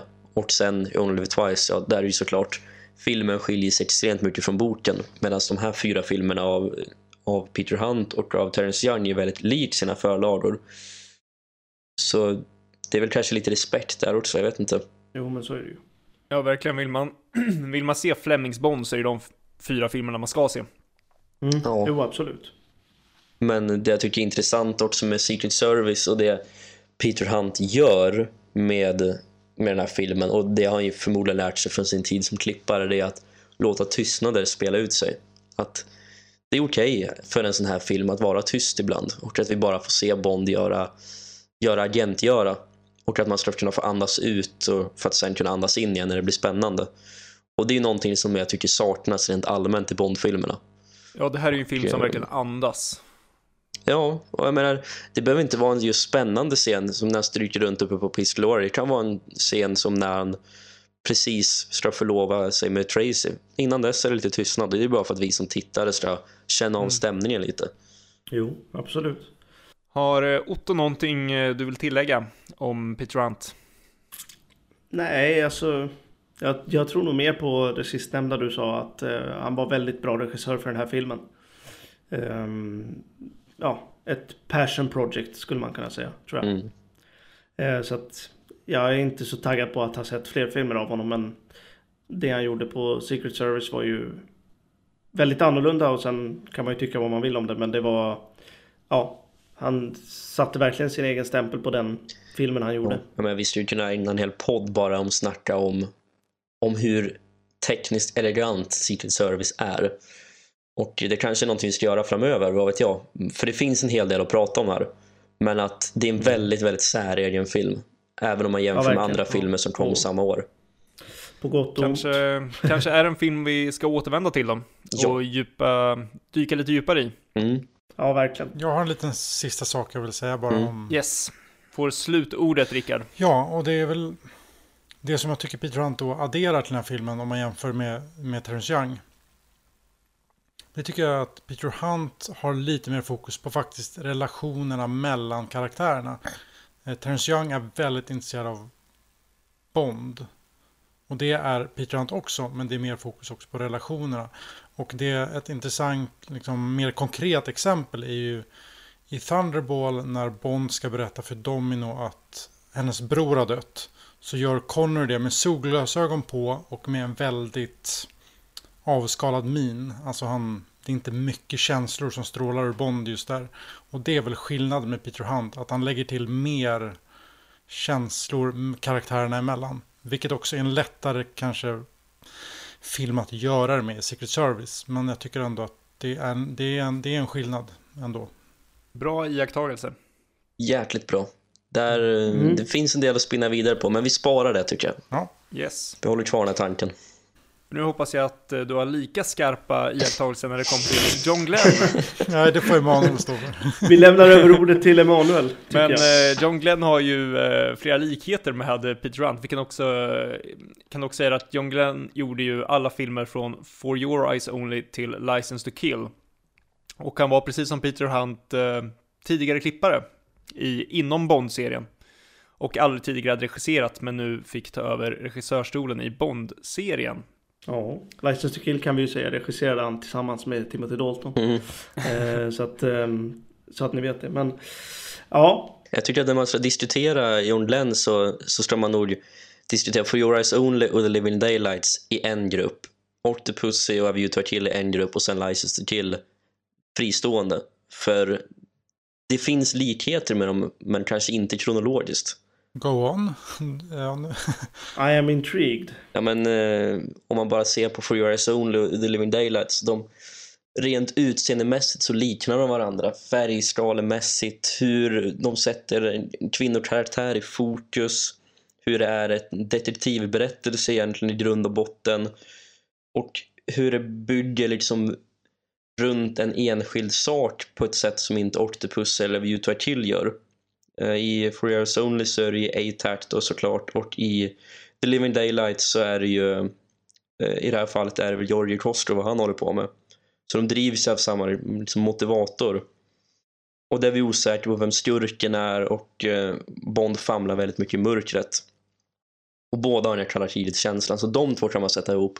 Octopus har View ju a Kill, ja, inte en helt perfekt blandning, men det är filmer som lunkar på lite mer. Eh, man kan se likhet i skurkarna, i hur hur actionscener är uppbyggda och sådär. Och sen har vi License to Kill som är helt unik. Mm. Så det är verkligen olika typer av filmer John Glenn serverade till oss. Men det man kan säga om John Glenn, som jag ändå tycker är gemensamt, ja inte riktigt för alla dem, men för mycket, det var ju det att det blev en tillbakagång till, eh, till Fleming i mångt och mycket. Eh, Dels i hur han valde eh, filmerna i stort, men också att väldigt mycket av de sakerna som fanns kvar att berätta i form av noveller, de skulle faktiskt in i böckerna, eller i filmerna. Mm. Mm. Även i Octopus, som absolut inte är byggd på någon Fleming-historia, så får vi ändå en hel novell nästan serverad för oss. Eh, väldigt likt som den faktiskt är i, novell, i novellen. The Living Daylights osar ju Fleming, eh, fast på ett Mm. mer modernt 80-taligt Flemings, Flemingvis. Och även i License to Kill, som jag inte ska stå här och prata om att den är Fleming, så har vi ändå tydlig inspiration från en, av Flem, en Fleming-novell. Mm. Och det här kommer från en period där man eh, till en väldigt stor grad i alla fall har övergivit Fleming. Jo, men så är det ju. Så är det ju verkligen. Eh, vi fick ju också väldigt, eh, vad ska man säga, John Glenns liksom paradgren var ju att göra stora bra actionscener. Eh, många av hans liksom, ja, många av hans actionscener är ju liksom väldigt, väldigt bra. Vi har ju en av de bästa biljakterna till exempel i, i For Your Eyes Only. Och ehm, ja men Vi har mycket action i The Living Daylight som är bra. Fighten på slutet eh, utanför planet till exempel som är fantastisk. Eh, och hela actionet vi på Wave, eller på Wavecrest, men runt kring, kring Wavecrest um, i License to Kill. Så det finns, det, action var ju hans paradgren liksom. Ja, det känns ju som att John Glenn eh, hade mer respekt liksom för karaktären Bond, även om det inte alltid kanske visas. Men att han, han valde att fokusera på vad dels vad publiken kanske ville ha, men även att de ville väldigt medvetet sträva tillbaka till 60-talet. Och eh, jag menar, man får tycka vad man vill om hur han hanterar dialogscener och dramascener och sådär, men action gör han ju väldigt bra. Och det Ja. blev ju ett signum under 80-talet. Och det är inte heller så konstigt med tanke på 80-talet är ganska allmänt känt som actionårtiondet i Hollywoodfilmer. Jo men absolut. Ja, för det där har jag också tänkt på just med John Glenn. Vi har gett John Glenn mycket skit, men att han kanske, eller framförallt Emanuel har gjort det, ska sägas. Men att han kanske någonstans var väldigt rätt för sin tid och var någonstans Bond-serien där och då var. Och vart man skulle gå. Mm. Men jag har ju en John Glenn, John Glenn-film som favoritfilm så att... Ja, jag har också, alltså jag, jag älskar John Glenns filmer eh, överlag. Eh, Jag menar, Fear Eyes Only är min favorit av, eh, av Roger Moore, Octopus, Fantastiskt, The Living Daylights, en av de bästa i serien. Alltså det, ja. Men det, det jag tycker är intressant också är att de, man kan alltid liksom kasta skit på John Glenn, men för att hans filmer är fula och så vidare, men så tänkte jag också på det att Bond-serien överlag eh, var ju ett helt annat läge. Jag tänker exempelvis på det du pratade om förut med eh, Louis Gilbert, då fick han, alltså, han fick jobba med världens bästa på egentligen alla positioner. Och det Mm. var obegränsat i budget i stort sett. Här hade vi se, eh, filmer där budgeten nästan krympte för var och varannan film. Jag tror eh, budgeten för Eh, nu ska vi se, inte budget, jag tror att budgeten på flera av filmerna lå- låg, eh, ja inte riktigt eh, hälften, men nästan hälften av vad, eh, vad Moonraker hade om man tar hänsyn till inflationen. Så det var helt andra budgetar och det var ett helt annat team. Och då kanske Jo, också inte hade förutsättningarna för en, kanske inte världens mest kompetenta regissör när det kommer till det visuella att göra vackra filmer uppstår heller. Och det som var, det som var också värt att ta i beaktning är ju att John Glenn kom ju in eh, och fortsatte regissera i en tid i serien där många liksom som hade varit med sedan början eller från väldigt tidigt sjöng på sista versen. Maurice Binder och John Barry och även om John Barry gör sitt bästa soundtrack tycker jag i, i ett av dem i alla fall i sin sista film. Men att många eh, liksom ja, var på upprinnelsen av sin Bond-karriär eh, och kanske inte var riktigt sharp as a knife liksom. Så att eh, ja, jag hade gärna sett John Glenn regissera en film i början av liksom 70-talet eller eh, där med, med ett riktigt skarpt team om man säger så. Det hade varit väldigt intressant. Ja, det hade ju i vart fall varit intressant att se vad han, vad han går för med Mm, eh, exakt. ett riktigt kompetent team runt omkring sig och med Alla cylindrar igång liksom. alla cylindrar igång i form av budget och team. Sen, Ja. Ja, alltid svårt att spekulera kring om hur Absolut. filmerna hade blivit. Men det, det, Mm. Men det hade varit intressant i alla fall. Ja, precis. Men det, är också, det, det visar också lite vad vi var och vad Kabu var. Att han, okej, nu satsar vi på lite mindre filmer och då tar vi in en- en regissör som inte är så van, eller liksom som vi inte behöver lägga så mycket pengar på och så vidare. Det, det är ju det är tydligt att det var så de tänkte just i början på 80-talet. Ja, det jag gillar med John Glenn är också, tycker jag, eh, ganska tydligt i många av hans filmer att han, han är en historieberättare liksom. Det är det han fokuserar på. E, även om det kanske inte blir så eh, speciellt eller så spännande eller så nyskapande eller nydanande alls. Utan det är, det liksom puttrar på men det är ändå en story oftast. Allt som oftast som hänger ihop. Um, visst man har svårt att hålla koll på alla äggen i Octopussy och det är fan svårt att veta vad som är opium och diamanter i The Living Daylights men det är fortfarande det, det är liksom en story som puttrar på, det går inte att liksom ta ifrån honom det. Men precis. Ja, förutom av Utah Killer, men den, det monstret tror jag faktiskt inte finns någon regissör som hade kunnat rädda. Nej, verkligen inte. Ja, men det märks ju att han, oftast märks det att han är klippare och intresserad av ett typ av driv Mm. i sina filmer. Eh, oavsett om det alltid behöver vara logiskt eller inte. Men och där tycker jag att han också, han är ju lite 80-talets, på ett sätt, Terence Young eller Peter Hunt. För han, han har ändå Bond i centrum lite och har en ganska driven story i sina filmer. Men skillnaden är väl att han inte riktigt... Han har väl inte riktigt fingertoppkänslan att lyckas hålla Bond cool på samma sätt som Terence Young lyckades. Det är svårt att hålla en 58-årig Moore cool också. Det är det. Och, eh, och med liksom hur de filmerna ser ut med lite fot, halvdant foto så är det ju svårt liksom. Och det, det är väl där eh, det jag kan känna att jag ibland saknar i hans filmer. Jo, det är, det är lite som att kissa i motvind liksom. Du får alltid lite på det. Så att det är ju, eh, ja.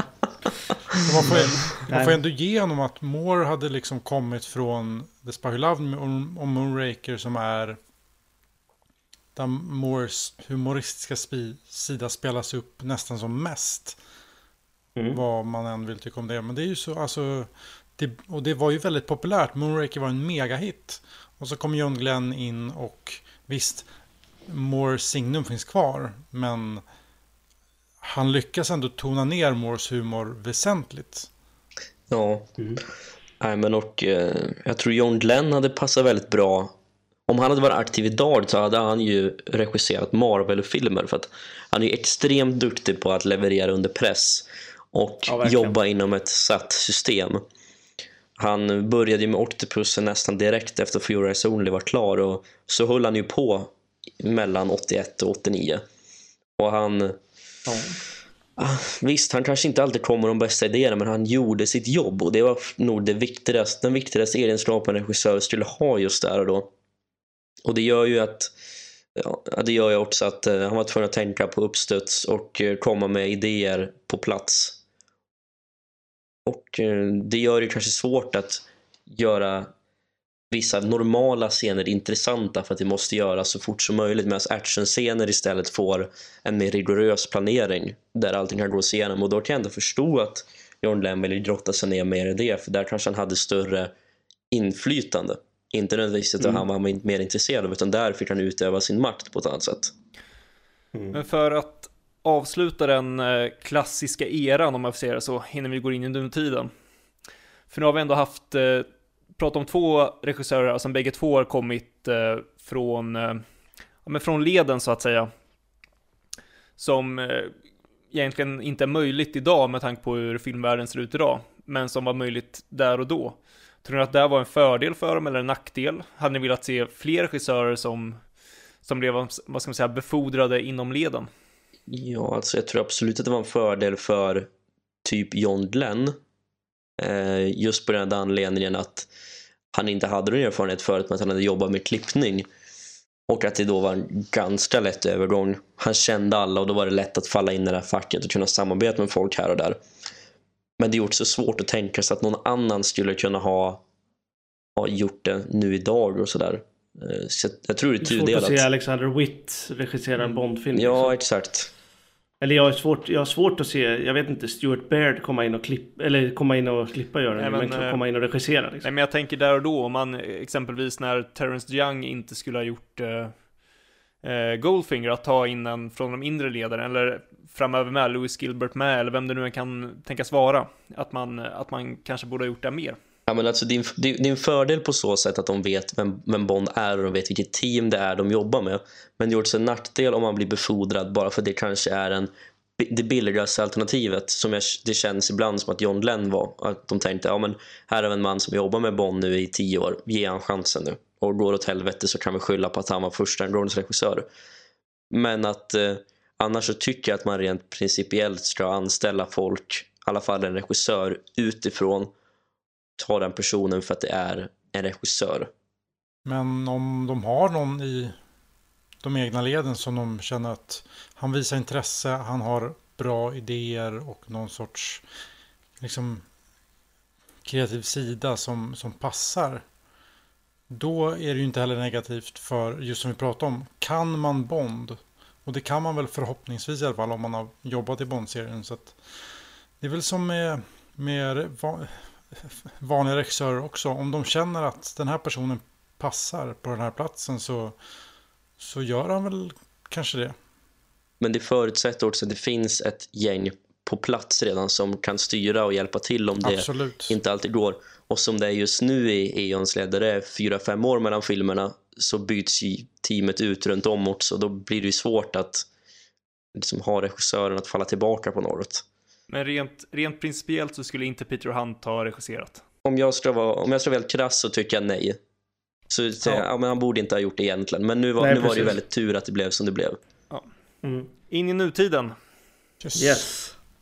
Och eh, vi sparkar igång nutiden med Martin Campbell. Mm. Eh, som ju gjorde Goldeneye och eh, sedermera också Casino Royale. Ja. Oj, oj, oj. Han har ju stått för två av de kanske viktig, viktigaste filmerna på senare tid i serien. För, eh, ja vad ska man säga, inte så mycket formandet av Bond, för det, det var ju liksom satt redan och Bond var ju en institution redan, men att återstarta intresset för Bond eh, två gånger egentligen. Eh, så ja, bara av den anledningen är han ju liksom en väldigt viktig regissör, tycker jag. Ehm, också en regissör med cojones känns det som. Men ehm, jag gillar Martin Campbell. Jag tycker hans stil, eh, hans stil passar mig väldigt bra. Ja, och här kommer vi in på det här lite som eh, Rickard pratade om tidigare, just det här med bakgrund och liknande. Med att han hade gjort thriller eh, och kriminalserier. Nu har inte jag Mm. sett så mycket av det här, men jag tycker ändå man kan se de ådrorna i de filmerna han har gjort. Och jag tycker det är en stil som passar Bond väldigt, väldigt bra. Ja. Ja, jag tänkte precis säga samma sak. Att visst, det kanske är lätt att när man ser att han har gjort sånt, jaha, då är det ju därför man känner igen det. Men det finns någonting i hans filmer. Han, det är ett litet annat mörker och vissa scener kan vara nästan lite ah, kusliga. Ehm, jag hittade inget bästa ord för det, men ni kanske förstår vad jag menar ändå. att det, det, han hittar en liten annan ton annan känsla i vissa scener som jag tycker ingen annan regissör riktigt har, har hittat. Och precis som du säger Mm. Så tycker jag det är en väldigt bra ton som han har hittat i båda sina filmer. Ja, jo, absolut. Han tar ju tillbaka lite om, om, som vi sa om Guy Hamilton, eller jag sa om Guy Hamilton, och, och kanske också om John Glenn, att de, han, har, han har blivit, ja, dragit tillbaka och vässat knivsäggen lite grann, känns det som. Han är, mm, ja, han är, han är bra där faktiskt, håller jag med om. Ja, alltså det är väldigt intressant med Martin Campbell att han är den kanske den enda ordinära regissören, om vi får säga så, som har kommit in och levererat två så pass intressanta filmer och väl mottagna filmer på samma och viktiga filmer kanske framför allt. Mm. Men om man Jo. ser till hans bakgrund och vad han gjorde då så kanske man lätt kan fnysa och säga men det där är inte någon som borde göra Bondfilmer egentligen. Men det funkade ju och han lyckades göra två ganska olika filmer med 11 års mellanrum som var viktiga på sitt sätt och satt egentligen tonen för hela den kommande eran. Mm. Jag tror det har mycket att göra med hans klarsynthet och hans energi. För tittar man på intervjuer med honom både före och efter Goldeneye och före och efter Casino Real så verkar han vara väldigt tydlig med det han vill göra och att han har verkligen en no-nonsense-attityd när det kommer till Bond eh, som jag inte sett han snacka om på något annat sätt med andra filmer. Utan han har verkligen passionerat brunnit för projekten och han har funnit både Goldeneye och Casino Royale genuint intressanta och därför gjort det absolut bästa jobbet han kunde göra. Ja. Ja, exakt. Det, det är också en grej som slår mig just det där med att han... Det märks väldigt tydligt att det här är en regissör som verkligen brinner för, för de här projekten och som inte bara brinner för projektet att göra en Bond-film, men som lyckas leverera en passion för Bond i filmerna också. Eh, för visst, det är ju det är ju lätt att få det när man ska adaptera en, en Ian Fleming-roman, men han lyckas ändå le- leverera med så pass mycket värdighet att det är och respekt att det, ja, ja, det, det är otroligt. Och även, även Goldeneye, jag menar man, man kan, Goldeneye har väldigt mycket brister tycker jag, men den av alla, av alla Brosnans filmer är i alla fall den som närmst respekterar det som någonstans var, var Bond, kan jag tycka. Ja. Ja, och eh, det är ju också det här med Martin Campbell eftersom att han är en han är ju en typ av regissör i John Glenn-facket egentligen som, som gör lite filmer här och där och så men kanske inte en autör om vi nu ska tycka att det är en bra sak. Så därför är det svårt att hitta säregna saker just för honom och hans stil. Det finns ju inte mycket gemensamt mellan Goldeneye och Casino Real bara man tittar på filmerna. Nej, det är sant. Nej, det var det jag tänkte på också. Att jag tycker det är det. Det jag funderar på lite vad Martin Cam- Campbell egentligen har för bild av hur Bond ska vara. För jag tycker att alltså hur Brosnan porträtterar Bond i Goldeneye och hur Craig porträtterar Bond i Casino Royale så tycker jag att det är det, alltså det är inte helt olika. Men det är det är någonting med Brosnans eh, Bond i Goldeneye som det hittar inte riktigt hem på ett annat sätt som Craig hittar hem mycket, mycket fortare, för mig i alla fall. Mm. Och jag undrar liksom, det är ändå samma regissör. Nu är det ju så att skådespelaren är ju skådespelaren och har sin egen bild. Så det är ju såklart inte så enkelt. Men de är ju... De är ju faktiskt väldigt olika filmer. Jag tycker det kändes, eh, när Brosnan tog över känns det som att han visste nog inte riktigt själv vad det var för Bond han skulle göra. Så därför tittade han bara på vad det var som gjorde Roger Moore populärt, populär och Sean Connery populär och försökte göra någon konstig imitation av de två sakerna som gjorde de två populära och det flög inte riktigt. Med Craig så Nej. blir det lite annorlunda för där har du en direkt adaptering av en, av en bok och du har en väldigt tydlig, ska man säga, du får någonting mycket tydligare att sträva efter. Med, med Goldeneye så var det någonstans en nystart med helt, eh, helt nytt manus, helt ny, eller helt nytt... Eh, det fanns ingenting att luta sig tillbaka mot helt enkelt. Det var bara okej, nu ska vi göra någonting nytt någonstans. Det fanns ingen tydlig punkt att luta sig tillbaka mot vart man ska landa i vad karaktären Bond ska vara för någonting. Ja, och det, hade varit väldigt intressant att höra liksom Martin Campbell gå in på djupet och prata om hans bild av Bond och hur en Bondfilm ska vara. Så att, vad jag vet har jag inte sett eller läst någon sån intervju än. Och med det sagt så säger inte jag att Craigs Bond i Casino Real är en exakt adaptering av boken Casino Real, för är det inte. Men det fanns i alla fall något form av ankare där. Mm. Som kunde, som kunde, kunde hålla det någonstans rätt. Jo, absolut. Men annars det, det jag som tycker är beröringspunkt mellan de två filmerna, det, det är ju där vi var inne på tidigare, nämligen tonen och att det finns en, en viss form av eh, skrämmande och illamående ton i bägge filmerna och de bitvis kan nästan vara lite kusliga. Ja, ja, exakt. Det är ju någonting. Det, det bygger liksom suspens i båda hans filmer. Där finns det ju faktiskt något. Och att Ja. Bond sätts i något form av, av tvivel av vad han ska göra. Både gentemot eh, 006 i Goldeneye och mot Vesper och hans jobb egentligen i Casino Real. Det är kanske Jo, just absolut. den här tviveln om vem Bond egentligen är som är något som driver fram båda filmerna. Fast på helt olika sätt. Ja, jo men så är det. Känner vi oss färdiga med Martin Campbell? Ja. Ja. Ja. Mm. Då rör vi oss vidare till Tomorrow Never Dies och Roger Spottiswood. Och eh, här blev det, eh, ja, lite... Kalabalik. Kalabalik var exakta ordet jag tänkte säga. Att det är ganska förståeligt att de valde han som regissör efter Martin Campbell. Jag har inte råkoll på Roger Spottiswood faktiskt. Men han har eh, märkliga filmer liksom innan. Det är väldigt mycket liksom... Det är verkligen så underhållningsfilmer. Det känns som att det är lite oseriösa B-filmer. Så här, eh, vad heter den? Ehm, Stop or my mom will shoot. Ja, Va? Med Stallone Ja, och... Nej exakt. men lägg Ja, av. exakt. Och Turner och Hooch med. Tom Hanks och en hund. Alltså, det är lite... Han är verkligen en liksom underhållnings Familjefilms. action, familjer... Ja, exakt. Det är ju konstigt för de hade ju tydligen haft ögonen på honom redan i slutet på 80-talet. Jaha. Herregud. Eh, Men att, Hur kan de fortfarande haft ögonen på honom efter att han gjorde stopp? Or my mom will shoot. Det är fan frågan.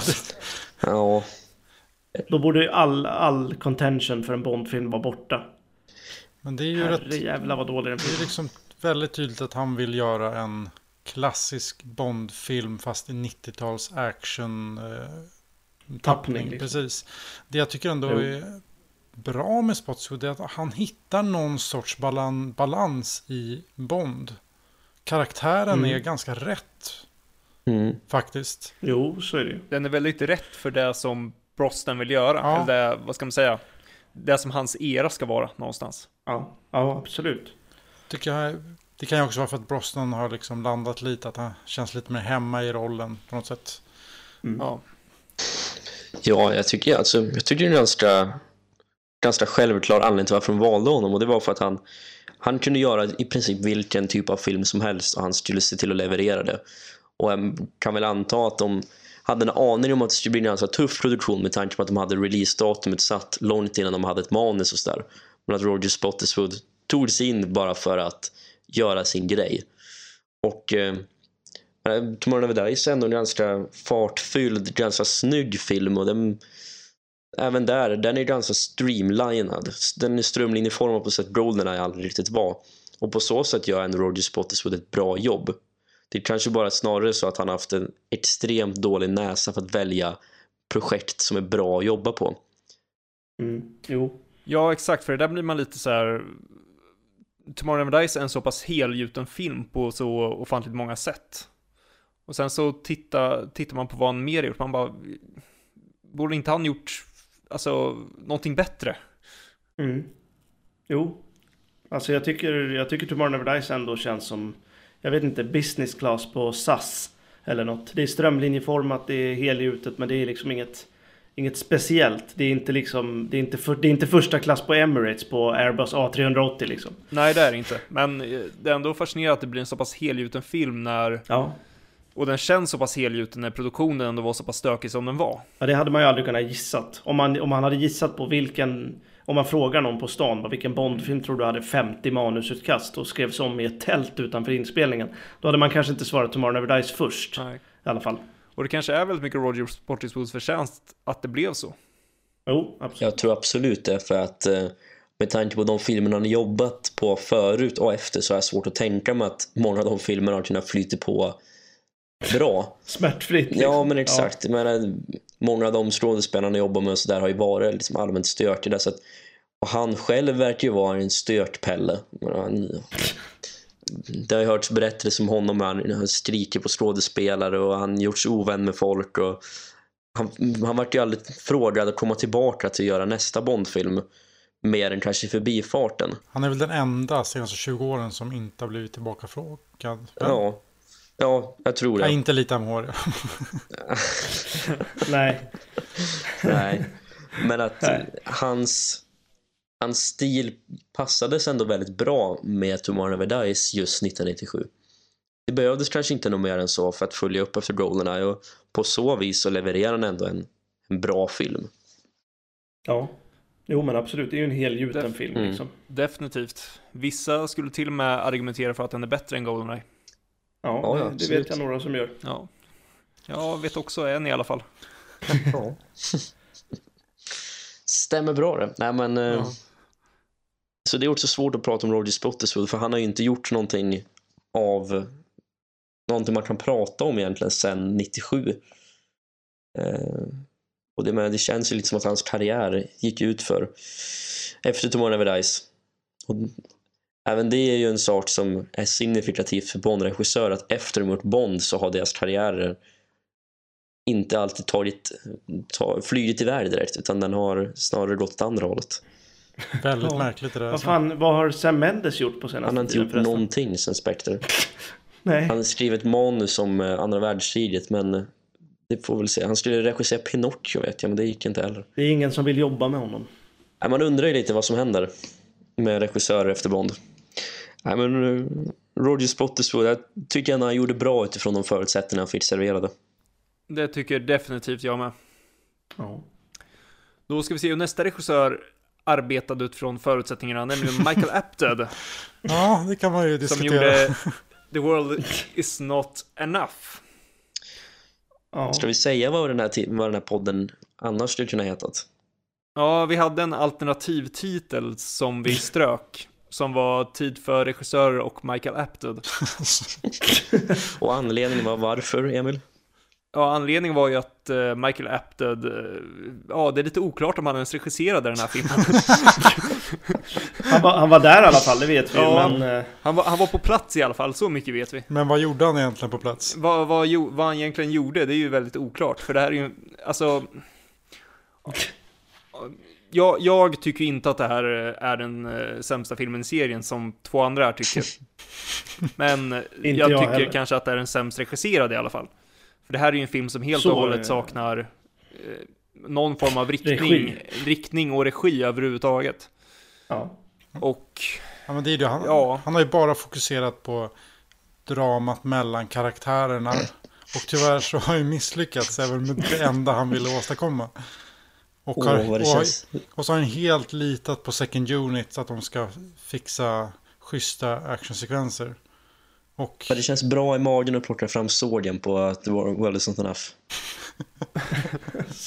och då får man ändå säga att actionsekvenserna är bitvis ändå ganska bra. Precis, men de jo, hänger liksom absolut. liksom inte ihop med Michael Apteds eh, drama-story som går parallellt. Det, är två helt olika filmer. ja, exakt. Det är, det är det som är så intressant när man ser den här filmen, för den, den, är, den är överallt. Den, den har, liksom... den har ingen riktning överhuvudtaget. Den är väldigt labil. Det är liksom, vill du se fyra olika, fyra eller fem olika filmstämningar så titta på The World Is Not Enough liksom. Men eh, nej, alltså, action, actionsekvenserna är sekvenserna, jag kan inte prata idag. Actionsekvenserna är ändå som du säger Emil, bitvis ganska bra. Jag såg den här filmen för inte så länge sedan med några på skolan eh, som älskar Brosnan för de tycker Brosnan är Bond eh, tydligen. Ehm, och så hade de inte sett den här filmen och de bara, det var den sjukaste båtjakten jag har sett sa de. Och jag, och jag bara, ja jo, tack. Och eh, actionsekvenserna har Vic Armstrong löst. Så det... Ja, exakt. Han är ju legendar inom mm. Eh, både Bond och jobbat på mm. Indiana Jones. Och, så att han går inte av för hackor. Men eh, publiken verkar ju gilla, den gemene man-publiken verkar ju gilla actionet här i alla fall. Men det är ändå intressant för Michael Lepter har ju framförallt gjort dokumentärer och eh, dramafilm tidigare och tv-serier. Mm. Och det är ju intressant ändå att ta en person med den bakgrunden. Man, man förstår ju att, han tar, att de vill ha en mans dramabakgrund för att det här är en film som är betydligt mer dramatung än eh, framförallt då dess föregångare. Men ändå så fallerar de scenerna totalt. Ja, jo. Mm. Ja, jag menar... Och jag jo. vet att eh, vi, vi, var inne lite på det här, förlåt jag avbryter där Emanuel, men vi var inne lite på det här just med eh, när vi diskuterade den här filmen, har jag för mig. Mm. Att de ville ha raka motsatsen till vad Roger Spottiswood var, att de ville ha någon som de kunde kontrollera och styra. Och därför kanske också den här filmen känns som att det inte fanns någon regissör på den när man tittar på filmen. Nej, det är ju det som är, jag vet inte, den här filmen är nog det klaraste exemplet på, eller det mest tydliga exemplet ska jag säga, på när jag inte vet riktigt vad en regissör gör. Ehm, alltså, ja, det är svårt. Svårt att veta liksom. För det är ju, det är ju scener staplade på varann känns det som. Ehm, och det är ju regissörens jobb i, i grunden att få ihop filmen. Men ja, nej, det, jag vet inte. Det, det, det är svårt att veta vad en regissör har gjort och inte har gjort om jag säger så. Vad skulle du säga Emanuel? Ja, men alltså, det, som är, det som Rickard framförallt har sagt här senast är att en Bond-regissör ska ändå ha förståelse för karaktären. Och det är absolut svårt att prata om på förhand innan regissören har fått jobba med filmen. Men att om Michael Apted säger i någon intervju i samband med premiären av sin egen Bondfilm att när jag ser Bondhyllan på en videobutik så går jag snabbt förbi den. Då borde, då borde varningsklockorna ringa. Då borde ringa hört. Tesa Fredrik borde ljuda över hela Pinewood när en regissör säger det. Då är det dags att krypa ner i bunkern och fundera på att nu kommer katastrofen. Eh, jag, jag, saknar våra skämt om Pinewood med John Logan på rosa cyklar och bränder och grejer. Det var, det var roliga, roliga tider. Ja, så. Ja, men det är ju, det, det, är, det är ju någonstans eh, boksvarigheternas, eh, alltså det, det, är en Sebastian Faulks, en person som inte bryr sig om Bond överhuvudtaget. Skiter fullständigt i Som Bond, av någon anledning är där och ska göra det. Ja, ja. alltså Mike Lapter, absolut, om de kommer och, om Eon kommer och ber han göra Bond och han får veta förutsättningar att vi kommer fokusera på en relation på ett annat sätt. Vi kommer grotta ner oss i Bond som karaktär. Ja, men då är det inte så konstigt att han med sin bakgrund väljer att tacka ja. Särskilt om han har blivit utlovad någon viss form av kreativ frihet. Vilket jag antar att han fick eftersom att hans fru var med och skrev om manuset. Ehm, så är det också så konstigt att han väljer att ta sig an det här projektet med så uppenbart lite passion. Jag menar, han är väl den regissören som på senare år varit mest högljudd när det kommer till såga Bond-serien. Och det är ju så tydligt Ja. då att han var mer intresserad av att göra en storbudgetfilm, casha in och göra potentiellt någonting annorlunda än att faktiskt göra en Bondfilm. Och här har vi liksom, här har vi ett fel. Det, ja, Ja. Ja, han, känns så jävla, han känns så jävla trött bara överhuvudtaget. ja jag det finns ju ingenting som är riktigt signifikativt för Michael Apted. Jag har sett några av hans filmer eh, både innan och efter, men jag menar, det finns betydligt mer flärd och värme där. Jag menar, han är ju en jättebra dramaregissör. Jag menar, hans tv-serie, eller om hans dokumentärserie om den här familjen, eh, Up tror jag den heter, eh, som följer den här familjen var tionde år och ser hur de växer upp och allt det där. Han har hållit på med det sedan 60-talet. Jag Det visar en dedikation för sin konstform, men i Bond så märktes det inte av alls. Jag tror det är lite samma som problemet jag har med Thomas Newman tror jag för Bond. Han är, jag, jag älskar ju Thomas Newman och hans sound är väldigt liksom eh, specifikt och bra för, för de filmerna han gör. Men jag tror inte han har det intresset för Bond bara. Jag tror att han också går förbi Bondhyllan ganska snabbt ehm, I videobutiken Mm. liksom. Eh, så att jag, jag tror att det, det, det speglas ju av, det märks ju om personen är kompetent på det han gör, regisserar eller fotar eller, eller skriver musik så märks det ju om personen gillar Bond. Som till exempel David Arnold eller John Barry. Mm. Ehm, och John Glenn och Terrence Young också liksom. Men det märks ju också när en person inte gör det. Till exempel Lapted eller ehm, Newman då. då. Vill du säga något Rickard? Jag vet inte vad jag ska tillägga riktigt, men det här är väl den film som där jag tycker att det är tyd, verkligen, verkligen tydligast att det är en huvudregissör som har regisserat skådespelare och berättelsen och ett second unit som har gjort actionsekvenserna. Och sen känns det som att Michael Apted bara Tack för mig, tjena, hej, eh, ring om du behöver någonting. Och så har de bara lagt en massa filmrullar på en klippare som bara Jaha. Ja, ja. Men det här, Ja. är den, det här är den Bondfilm som mest känns som ett montage tycker jag. eller som en trailer. Mm. Det, det, det, jag vet inte, jag får så här. Det, det finns ingen enhet i det på något sätt. Ja, för annars tycker jag visst att Second Unit gör actionsekvenser. Det, Det, ja, det hör ju till liksom. det, ja, exakt. Ja. Men då brukar man i alla fall kunna känna att det i alla fall hör till filmen. Här är det som att det är en helt annan film. Därför att det finns ingenting som har med resten av filmen att göra. Nej.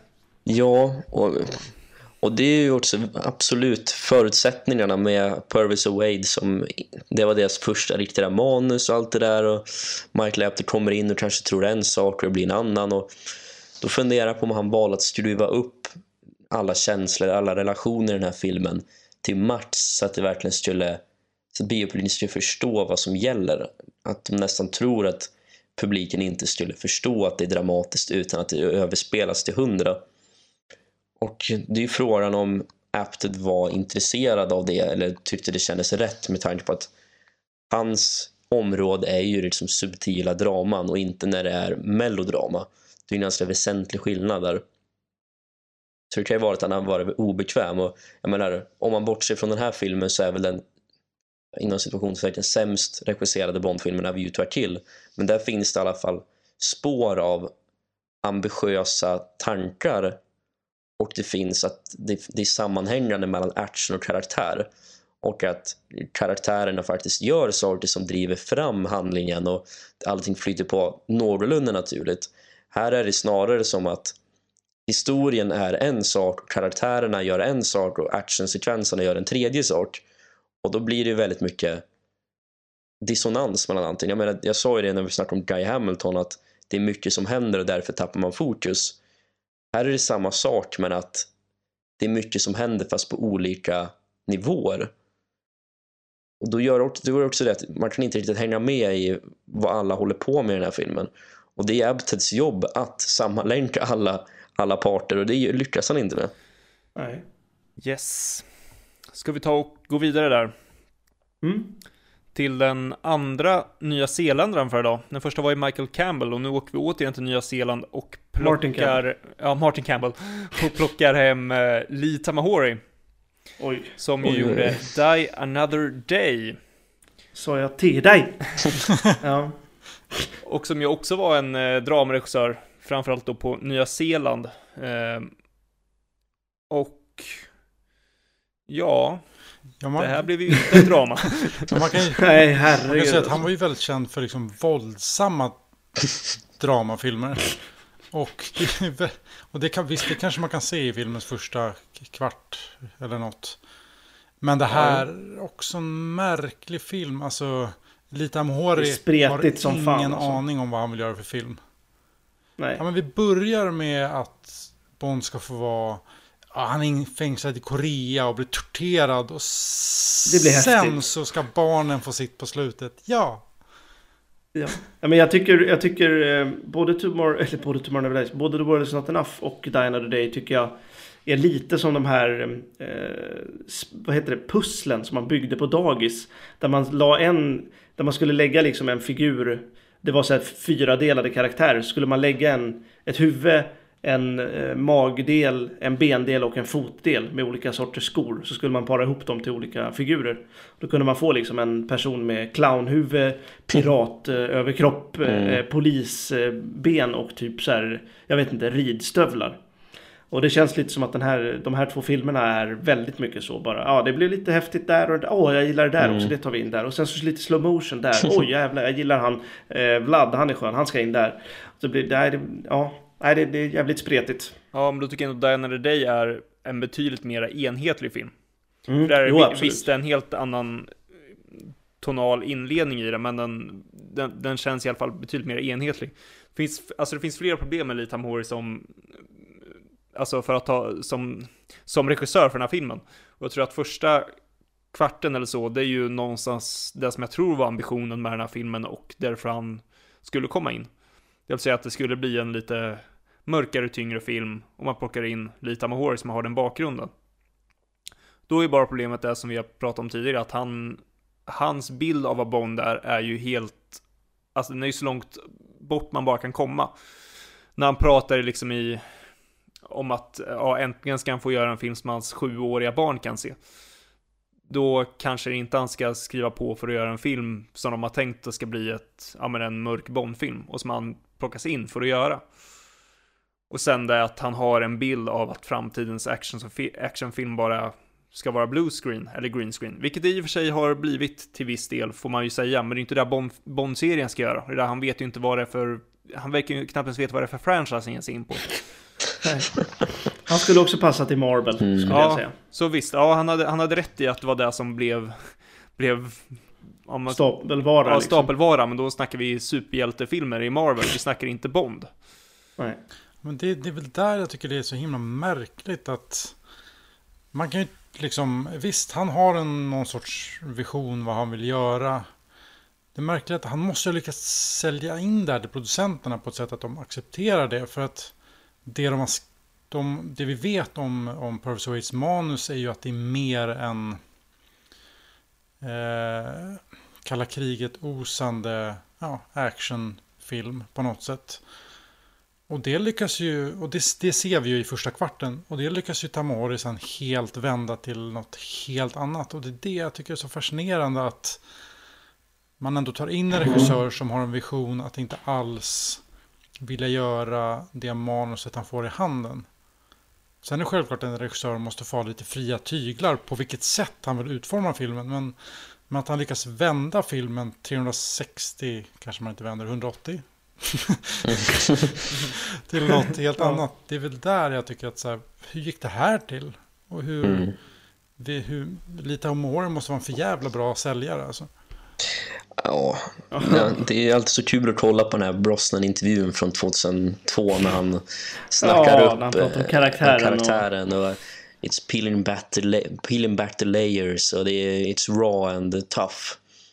Men Pierce Brosnan, han måste ha läst första tio sidorna av manuset och sen bara, ja, nu ska jag gå och dricka en latte eller något för att Nej, levt i, levt i förnekelse tror jag han gjorde för att han visste att det skulle bli pannkaka men han ville ju inte promo, han ville ändå promota den så att han kunde tjäna pengar på eländet i alla fall.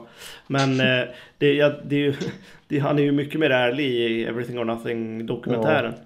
Jag menar, vi har ju snackat om den här filmen och vad som gick snett många gånger både med varandra och även i podden så att man kanske inte borde fastna där även fast det är det man gör när det kommer till Dine of the Day för det är så mycket som har gått fel. Men samtidigt så är det att Lee Tamahori han, han regisserade i alla fall, man får igenom det. bortsett, mot, i motsats till Michael Apted. Lee Tamahori verkar i alla fall ha en, ett intresse av Bond utifrån det han har sagt. Även om hans fokus låg på fel ställen. Ja. Ehm, och han gör ju en del intressanta val lite här och där. Så att, eh, ja. Ja, exakt. För det, jag som ändå tycker Die Another Day är en betydligt sämre film än The World's Not Enough tycker ändå att det är en mer, mer välregisserad film. Sen går ju Lita Mahori fel på i stort sett varenda kreativt val han gör. Ja, Men det, det är trots allt ändå en, en han har ändå regisserat filmen.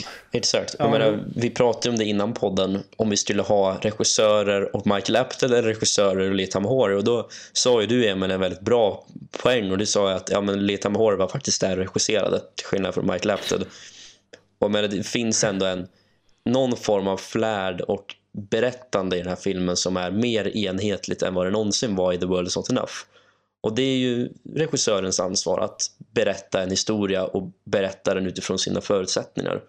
Alltså jag följer ju väldigt, jag följer ju lättare med i Die Another Day. Även om jag inte gärna tittar på den, men för det är ju en katastrofal film. Men jag följer ju lättare med i handlingen och storyn och karaktärerna och hela den biten i Die Another Day än vad jag någonsin gör i The World Is Not Enough.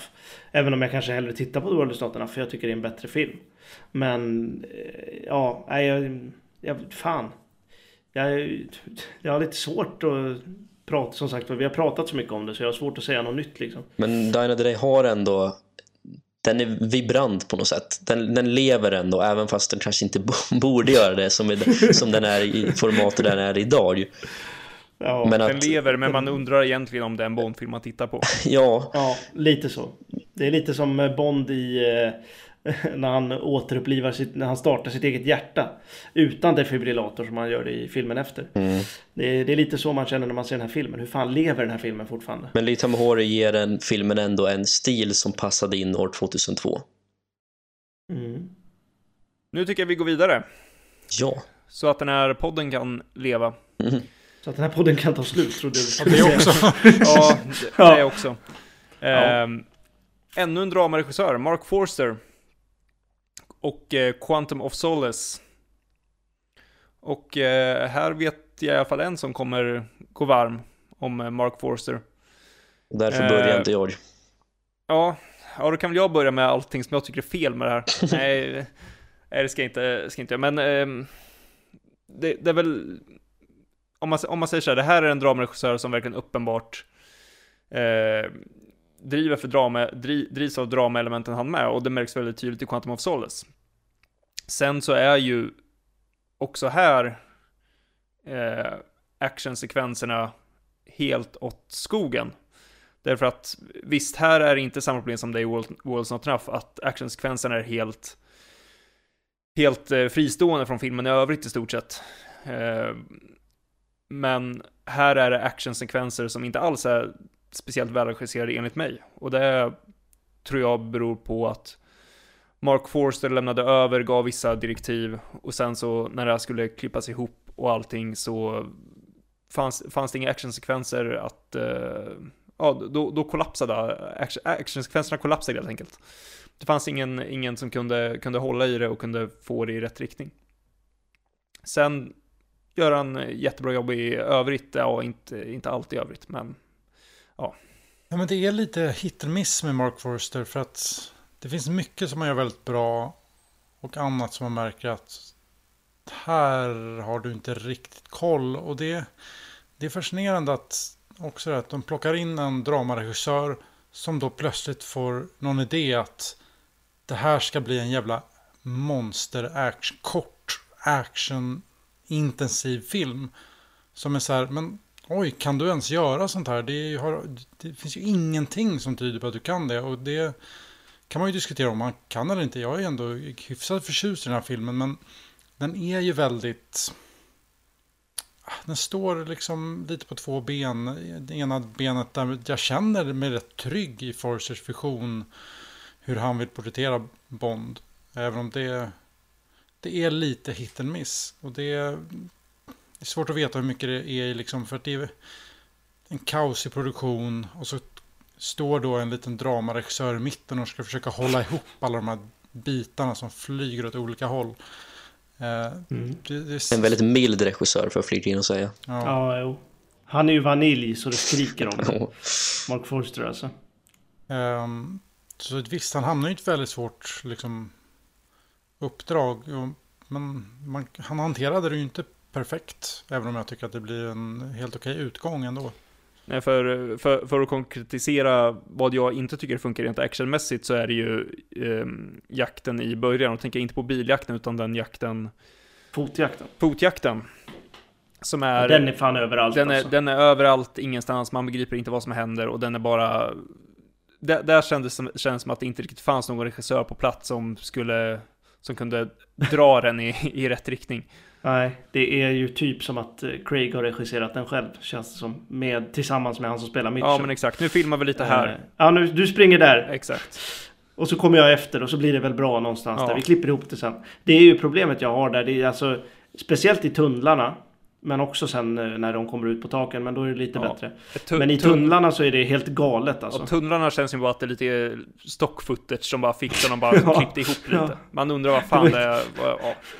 Men vem fan, man ser, man ser typ knän. Och man ser lite så här, man ser...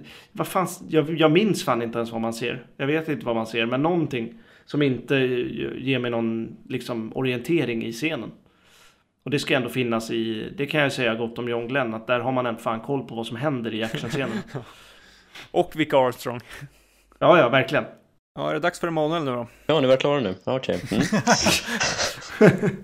Ja. Har vi något annat att diskutera om Quantum Solace utöver klippningen? Det känns som att det är det alla vi pratar om när vi snackar om den här filmen. ja regissören till Ja, exempel, jag- jag det vi ska det. prata om nu. Visst, det är ju, även det är ju en elefant i rummet, men att det finns ju ändå lite annat att prata om med Mark Forster. Eh, jag menar, det känns ju som att den här filmen var ju någonting annat vad han skrev på att göra än vad det faktiskt blev i slutändan och hade det inte varit sån extremt tight press och så så hade han kanske hoppat av det här projektet tidigare. För att uppenbarligen så ville väl han göra någonting helt annorlunda och det var därför han kastade ut manuset i elfte timmen. Och eh, det kan man ju diskutera fram och tillbaka, var det rätt eller var det fel? Men att han lyckades ändå driva igenom en film som var helt kaosartad och göra någonting intressant samtidigt med det. Lite som Roger Spottiswoode i Tomorrow Never Dies, fast mer intressant rent regimässigt. Och absolut, klippningen är speciell och sådär. Men att jag tycker ändå det verkar finnas en tydlig anledning till varför det är på det viset. Att det inte fanns en regissör på plats som kunde regissera. Eh, Jag tror det. nja, snarare att eh, de ville gå in på djupet i Bonds psyke hur det var just i början. Men vi kan lämna den diskussionen därhän för att det har vi redan pratat om för ett och ett halvt år sedan. Men att klippningen lugnar ner sig ju närmare slutet vi kommer och, och det är ju också en, en storymässig anledning till varför det är så. Men att eh, Mark Forster, han vill ju när det kommer till actionsekvenserna, vi kanske stannar där och bara fokusera på det så vill han göra actionsekvenser runt de fyra elementen. Och det är väl en sån här idé man antingen kan avfärda som hemskt pretentiös eller som något som är intressant och innovativt. Eh, jag tror ni kan gissa i vilken, vilken, vilket läge jag står i i den frågan. Men att han fick utrymme att göra sådana saker när det hade en budget på 200 miljoner är ändå hedervärt. Och att eh, vända på förväntningar i och med Dominic Green och hur Bond ska vara och hur, hur en Bondbrud ska vara och så vidare. Och det är ju en, en film som rör på sig väldigt mycket och är totala motsatsen till Casino Real i, i mångt och mycket också. Eh, och jag tycker väl att det är vågat, men jag, jag köper absolut er, era åsikter om att det är dumt och att det är eh, korkat att gå i den riktningen. Men jag, jag gillar verkligen det Mark Forrester försökte och med mer tid och med ett stabilare manus så hade den här filmen mottagits ännu bättre, är jag helt övertygad om. Jag kan nästan säga så här att jag nästan velat se mer Mark Forster i den här filmen. Om du förstår vad jag menar. Ja, absolut. Men det som är tydligt i alla fall här är att det, det fanns en inspiration från Mark Forsters sida. Han ville göra någonting och att han, han verkade brinna för det vid tillfället om han gjorde filmen i alla fall. Och det är ändå bra. Ja, vad skulle du säga Rickard? Men det, det jag tar med mig som jag tycker är Mark Forsters eh, idé Eh, som han verkligen drev igenom i den här filmen. Och var en av anledningarna som gör, så vitt jag förstår, varför den här filmen blev så jävla dyr. För det, det har jag läst lite här och var. Eh, folk som klagar på så här, hur kan den här filmen, vara, vad kostade den? Två, tre, den var ju betydligt dyrare än Casino. Mellan 2 och 250 miljoner dollar och då kostade Casino Royale 150. Precis. Och det var Mark Forster väldigt tydlig med att den skulle spelas in så mycket som möjligt on location. Och det är fruktansvärt dyrt att spela in on location. Till skillnad från att sitta tryckt i Pinewood och eh, styra allting. Eh, och det tycker jag ändå syns. För jag, ty jag tycker att den här filmen är otroligt, otroligt snygg. Eh, alltså fotot är skitsnyggt. Hela tiden tycker jag. Och det är väl där man kan börja prata om klippning och sånt där. Men jag tycker att det är en skitsnygg film och det är helt och hållet hans förtjänst. Eh, det tycker jag är liksom det, det viktigaste avtrycket han har gjort på den här filmen. Alltså det hedrar ju honom väldigt mycket. Det visste jag faktiskt inte om.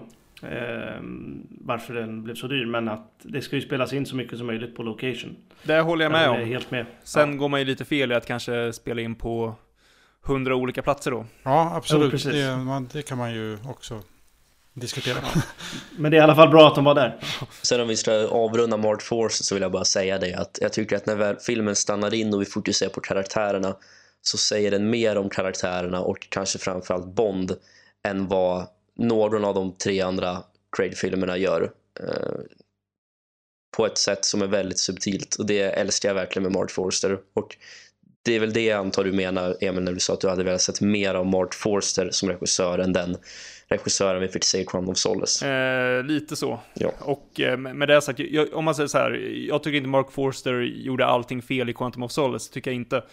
Men de bitarna som inte funkar, funkar inte alls. Och det tror jag är bitvis på grund av Mark Forster också. Mm. Eh, och att Mark, ja, jag ska, jag ska inte gå in allt för mycket på det här, känner jag.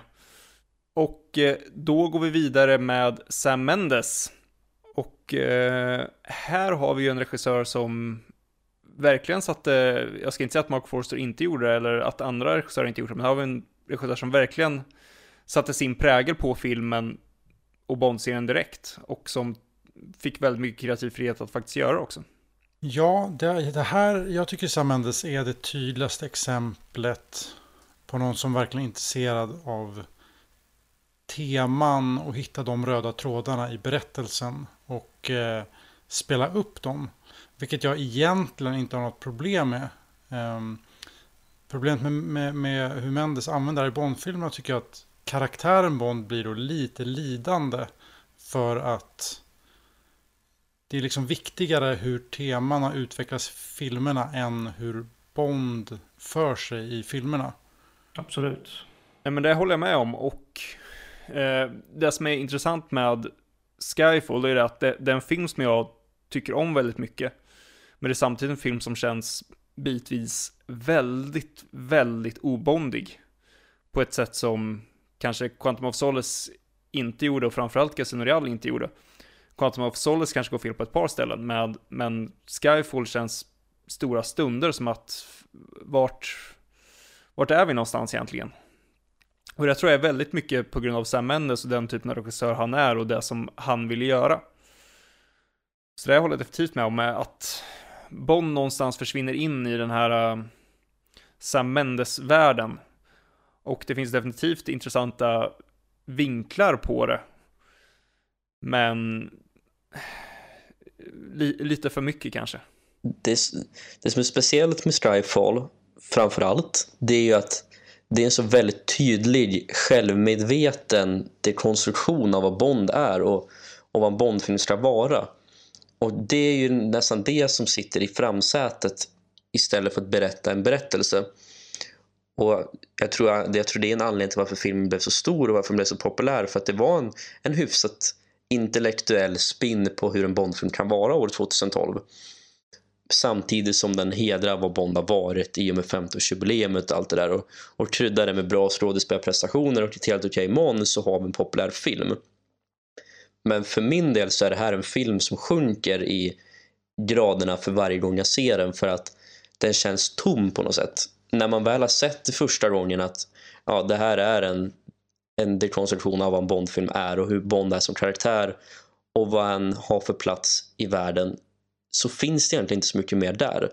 Och det känns som att alla inblandade i den här filmen, från Sam Mendes till John Logan till Daniel Craig, alla var så såld på den här idén att de tänkte inte riktigt i övrigt på vad det är för film vi faktiskt håller på att göra. Och därför så känner jag aldrig att det här är en film som har hjärta på samma sätt som Casino Real och Crumb of Solace har. Ehm, och när den väl försöker vara så pass mycket en Bondfilm men på samma gång vara motsatsen till en Bondfilm så riktigt funkar det inte för mig som ändå ser den här filmen eller har sett filmen ganska många gånger. Men jag håller med väldigt mycket i det du säger och just det här med att återvända till filmen.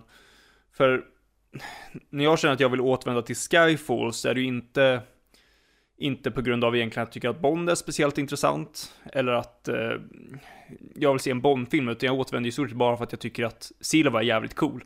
Och det kanske inte är därför man ska återvända till en Bond-film utan det är trots allt för att man finner någonting intressant med Bond. Och det är precis som du säger, när man har sett den ett par gånger så försvinner det där intressanta. Mm. Och det blir bara en form av, vad ska man säga, ja men inte, inte riktigt ytlig, men snudd på ytlig.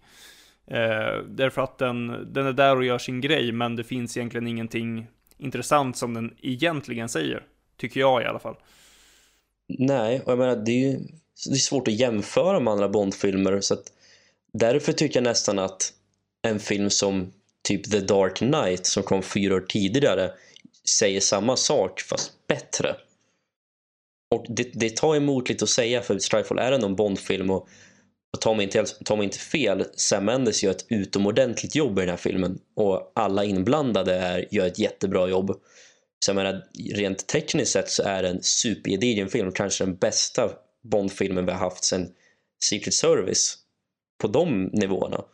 Men det blir bara tråkigt när man har sett filmen tio gånger och den ger ingenting på samma sätt längre. Nej, och då blir det intressant att jämföra med Spectre, för där gick ju Sam Mendes in mer med en ambition att faktiskt göra en Bondfilm. Mm. Och den fallerar istället nästan på att det är, vad ska, man, vad ska man säga, det är en Sam Mendes som ska göra en, försöka blanda in mera klassiska Bond-element men det är fortfarande en Sam Mendes-film och det blir konstiga krockar och det känns inte som att den landar rätt åt vardera håll egentligen. Nej. Nej, så är det ju. Och det kanske bara i grund och botten är att Sam Mendes är en fantastisk regissör, men han kanske inte är en bra regissör för Bond. Nej, det är väl det att många, eller många, men vissa personer bara inte är skapta för, för Bond. Deras sätt att arbeta och deras stil och deras tolkningar och deras sätt att liksom ja, men sätt att göra film på inte är, är rätt för just Bond. I alla fall som jag ser Bond. Eh, jag tycker Skyfall är en sån film eh, som blir bättre när jag tittar på den med folk som inte gillar Bond. Och så kanske man inte, så kan, det kanske man inte ska behöva göra varje gång för att en Bondfilm ska vara bra. Utan den ska ju vara bra på, på sina egna merits. Liksom. Och som dessutom kanske ser Skyfall för första eller andra gången. Ja, exakt. Och blir eh, sjukt imponerad av motorcykeljakten i början och sjukt imponerad av Silva och eh, ja, jo men så. Um, den ska ju vara något mycket mer. Man ska ju kunna titta på den själv och imponeras och tycka den är fantastisk. Men med Spectre så är det ju bara ett mischmasch av, uh, av jag vet inte, det blir, det blir varken hackat eller malet känns det som. Har Rickard något mer att eh, tillägga, kanske framförallt på Spectre? Nej, egentligen inte. Det, jag tycker, det, det, jag tycker det, man ser det tydligt att det är samma regissör som har gjort Skyfall och Spectre. Men Spectre, där har vi en regissör som han har gjort sitt, eh, kommer in för att de ber och då känner han, att men då gör jag en till och så försöker jag göra en, en, en Bondfilm den här gången, eller mer vanlig Bondfilm och då märker man att det var inte riktigt hans grej. För att det som gör Skyfall så intressant och varför jag ändå tycker att den funkar är för att det är Mendes. Han är väldigt passionerad över den idén. Och då blir filmen bra. Och när en regissör inte är passionerad så märks det också väldigt tydligt. Ja, alltså så är det ju absolut. Jag menar, Sam Mendes är en av de regissörerna som har den förmånen att kunna göra typ vad han vill han vann en Oscar på sin första film att regissera. Han var teaterchef i London. Han har jobbat med alla de stora filmstjärnorna. Och då det blir det nog väldigt svårt för honom på, och hans ego kanske framförallt att liksom åsidosätta det och göra någonting inom vissa normer. Och han försökte med Spectre och kanske inte lyckades för det blev ändå Sam Mendes film för det är så han är. Och det är, väl, det är bra, han är, en, han, han är en sån regissör men han kanske inte skulle gjort en andra Bondfilm egentligen. Sen, som sagt, jag vill verkligen understryka med att han gör ett bra jobb. Han är en bra regissör och han lyckas få ut bra prestationer av alla. Och han gör bra när det väl fungerar. Men sen har han ju vissa brister. Men det som gör att jag hellre återvänder och ser Spectre än ser Skyfall det är att Skyfall besvarar alla frågor den ställer i filmen. Medan Spectre lämnar en del frågor öppna och det gör att man kan få komma med egna tolkningar. Då blir det kul att återvända till filmen och se en sak man kanske har missat en gång. Och Spectre är lite mer avslappnad och det känns som att Sam Mendes släpper lite, lite på sin prestige och då blir det lite roligare att kolla på. Ja, för det kan jag också flika in det att oavsett vad man tycker om Sam Mendes som Bondregissör, jag var ju nyss ganska kritisk, men det här är ju två väldigt välregisserade filmer. Så det är inget ont om honom som regissör. Nej, alltså det finns ju jättemycket bra i de här två filmerna, men det är ju som att de här två filmerna är gjorda för folk som ser dem en eller två gånger och sen blir det inte riktigt lika spännande kanske. Eh, men nu när vi har gått igenom alla regissörer på ett, eh, ja, får jag ändå säga hyfsat genomgå, genom, eh, vad säger man? Ja, inte detaljerat, men hyfsat detaljerat i alla fall. Det har blivit en lång podd. Mm. Eh, men vi är inte riktigt klara, för vi måste ju plocka ut lite favoriter mm. också. Eh, vilket kanske har framgått lite, tror jag. Men eh, vi kan väl i alla fall ta våra, ta och nämna våra favoriter i alla fall för att fräscha upp minnet på de som kanske halvsov lite vissa delar under det här avsnittet. Ja, alltså förutom Terrence Young som jag tycker är självskriven som favorit. Så eh, måste jag ändå säga Louis Gilbert faktiskt. Eh, för han gör filmer som jag väldigt ofta sätter på och tittar på och går tillbaka till och, och njuter av. Det är, det är snygga filmer, det är intressanta filmer, det är spännande filmer, det är underhållande filmer. Det är, det är liksom... Det är, det är därför jag tittar på film egentligen. För att se en underhållande berättelse och en, eh, en bra berättelse. Så att eh, ja, Louis Gilbert och Terrence Young, men Terrence Young är ju själv, självklar etta. Ja, precis. Alltså det, mm, jag har säkert sagt det förr, vi har väl pratat om det förut, men Terence Young är också så här självklar etta. Och då är frågan vilka andra intressanta finns det att välja, men jag menar John Glenn var ju lite ojämn, uh, Peter Hunt gjorde bara en, kan vara lite svårt att välja honom. Så att någon sorts uh, bubblare kanske ändå skulle kunna vara Martin Campbell ändå. Jag är ändå väldigt förtjust i Casino Royale och Goldeneye. De har, alltså Goldeneye är mycket nostalgi, men de har någonting som gör att de sticker ut lite på ett eget men bra sätt ur Bond-serien. Så att eh, det får bli mitt svar. Emanuel? Eh, Terence Young, självskriven etta. Sen kommer Mark Forster in där på andra plats. Föga... föga ja. Såklart. eh, Quantum måste alltid ligga i topp någonstans. Och sen på tredje plats... Ja, det är antingen Sam Mendes eller Martin Campbell. Jag får sätta ett snedstreck bredvid de två faktiskt. Mm. Nej, men det är väl bara att eh, jag upprepar ett eh, första val, vilket är Terrence Young. Och därför blir ju de andra mer intressanta. Och här är det ju väldigt, eh, tycker jag, hur, hur man ska väga in vissa bitar. För det finns vissa bitar som är väldigt viktiga, framförallt för Bond, det vill säga hur bra är en, är en regissör för Bond? Och där kan ju en sån som John Glenn flyga upp, men han kanske inte är den främsta regissören. Eh, vi har en sån som Peter Hunt som jag tycker var helt rätt.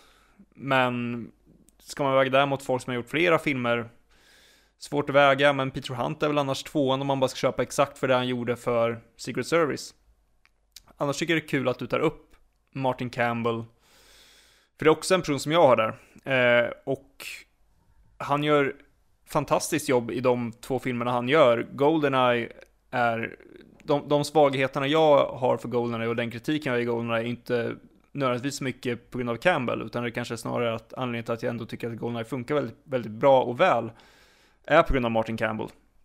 han lyfter filmen och Christian Urial är en av de bästa, eh, bästa och mest välregisserade filmerna i serien. Så ja, Martin Campbell, absolut. Ja ja, det är ju alltid svårt att ranka regissörer just eftersom man får antingen tänka vad har de gjort bra för Bond eller vad är de bra för regissörer. Det är väl lite det. Det är därför jag väljer att sätta Mendes och Martin Campbell på delad tredje plats för Martin Campbell är bättre för Bond kanske men Sam Mendes är den bättre regissören. Då känns det svårt att särskilja på dem.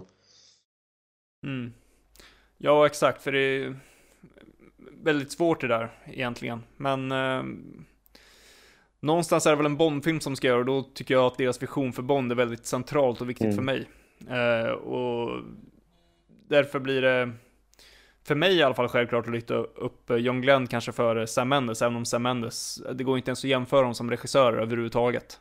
Men eh, nog snackat om det. Ska vi ta och eh, titta lite framåt då?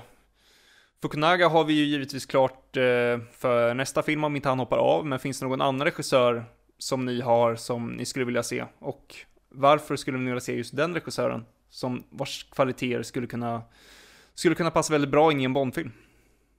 Ja, nu har ju Louis Gilbert dött så att jag vet inte riktigt vad vi ska, vad vi ska svara där. Men eh, jag har egentligen ingen som jag skulle vilja se i framtiden. Jag vill bara säga att jag hade gärna sett en film regisserad av Brian De Palma förut. Det hade varit Oh, jävligt ja. häftigt.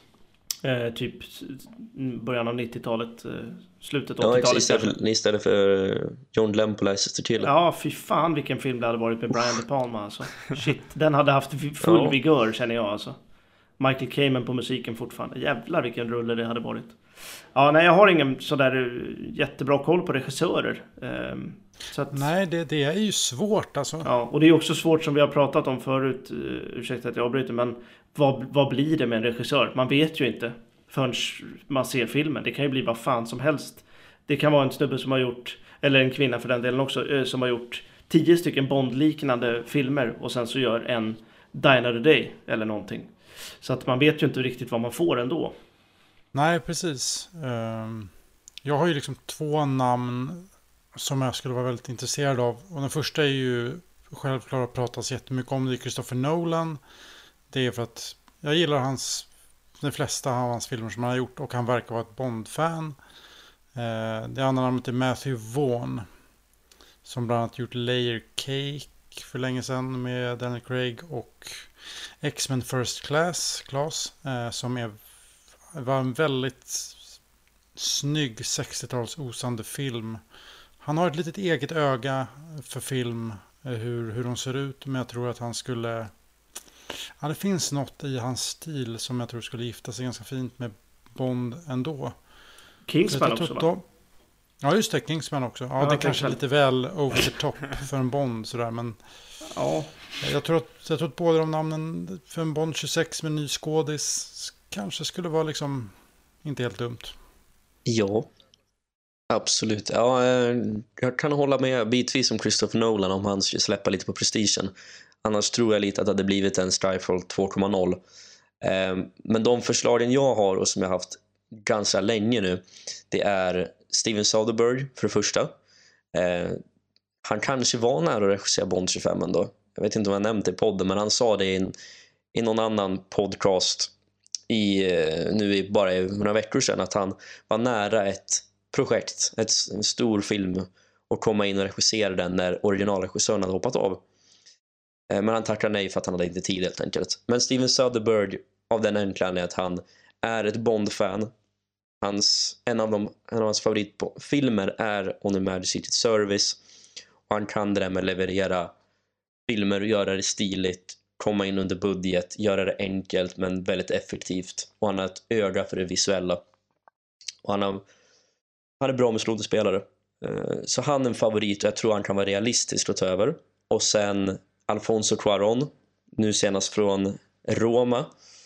Eh, Han är en väldigt unik regissör som förmodligen hade fått gjort en helt egen version men som hade gjort någonting väldigt intressant om han fick chansen. Väldigt tekniskt kunnig och han hade kunnat gjort det mesta förmodligen. Är väl ganska hade haft en garanterad Oscar i alla fall. Ja. Utan att det hade blivit för seriöst. Han gjorde ju ändå Harry Potter eh, 3. Men det är väl tämligen, ett tämligen orealistiskt val med tanke på vart han är idag. Ja, jo. Och det tredje alternativet som jag faktiskt tror kan regissera Bond 26 om det blir med en ny, Bond, eller med en ny skådespelare, det är Steve McQueen. Inte att förväxla med skådespelaren utan den andra. Han eh, har den bakgrunden jag tror Eon gillar med mindre dramafilmer och han är väldigt hyllad och nu senast kom han med den här filmen Widows i höstas som ändå var en action-thriller med stora namn i som ändå var helt okej. Okay. Och han är brittisk och eh, han är ung framförallt. Så mm. jag vill satsa mina pengar på Steve McQueen men hoppas på Steven Soderbergh. Ja, Steven Soderbergh hade jag nästan glömt bort i mixen. Eh, jag eh, tänkte på honom faktiskt för något år sedan om att han skulle passa väldigt bra och nu när du tar upp han igen så känns han nästan för bra. Eh, ja, nej, men jag, jag, får väl nästan säga han av egentligen exakt samma anledningar som du lyfter. Christopher Nolan tycker jag egentligen är, det är en sån regissör det alltid snackas om. Och jag är väldigt egentligen skeptisk till honom. Den som talar för honom och som gör att jag ändå skulle vara intresserad av att se vad han har att komma med, det är just det att han är han tycker om Bond och eh, han tycker om Secret Service. Och då någonstans så har man väl i alla fall hjärtat på rätt ställe. om man säger så. Eh, men, eh, ja, jag är nog ändå skeptisk till honom. Men Steven Sudberg är väl, ja, för mig då, det tycker jag i alla fall just nu, självklara valet. Eh, så får vi väl ta och runda av dagens avsnitt där. Ja. Ja. Äntligen. Mastigt avsnitt. Ja, det Lustigt. blev en, eh, ett maraton idag. Ja, det blev långt här. Mm. Men eh, det var kul i alla fall. Ja, verkligen. verkligen. Herregud vad man har gått igång. Jag hoppas vi har lyft på några stenar för, för oss själva och för lyssnarna. Var, ja, men lite nytt tycker jag att jag har fått lära Ja, faktiskt. Det är inte och, ofta speciellt för er lyssnare som faktiskt efterfrågade det här avsnittet. Hoppas att ni, framförallt ni var nöjda. Hoppas givetvis att alla var nöjda. Grattis era jävlar. Nej men, eh, nej, förlåt. Tyckte ni att vi missade något så får ni skriva till oss. Uh, ja. ja, nej men det är ju kul också när en, en lyssnare kommer med ett förslag, eller flera lyssnare tror jag det var i det här fallet. Och, ja, det har varit flera. Ja, som vi, vi har inte tänkt på det här med att vi kanske tagit upp det någon gång men inte så här konkret och att vi ändå kommer igång och poddar så pass länge. Så jäkligt kul alltså. Ja, det skulle nästan kunna bli två avsnitt. Ja. Ja, verkligen. Ja, men det kändes ju som ett självklart avsnitt när vi fick förslaget. Ja, varför har vi inte mm. tänkt på det här liksom? Ja. Mm. Nej, jäklar vad kul. Mm. mm. Och eh, lika självklart är det att tacka Lars Logotyp. Och eh, Anton. Tackars, tackars till dem. Och eh, givetvis eh, Thomas Rugg och Anders Frejd, Agent07.nu och From Sweden with Love. Så får vi det sagt också. Eh, och sen så får vi ta och eh, blicka framåt till nästa avsnitt som jag inte riktigt tror är spikat. Vi får väl se lite vad som händer på Bond 25-fronten. Mm. Eller om det kan bli eh, något annat. Vi får se vad det blir helt enkelt. Och som sagt, har ni några idéer så är det bara att skriva till oss. Eh, antingen på Facebook, Twitter eller Instagram eller skicka ett mejl till tidforpodd.gmail.com. Vi fick ett förslag eh, här om, ja, för någon vecka sedan. Eh, från en som mejlade till oss. Så det vi, älskar vi, det är bara att fortsätta skicka in mejl. Ja. Om ni inte föredrar sociala medier. Ja, det är ju fantastiskt. Det, det går inte att understryka nog hur, hur fantastiskt det är. Men jag tycker att vi släpper den här podden nu och säger eh, ha det bra. Ja, vi hörs. Tack för att ni lyssnade. Eh, tack och godnatt, ses på Golden Hits.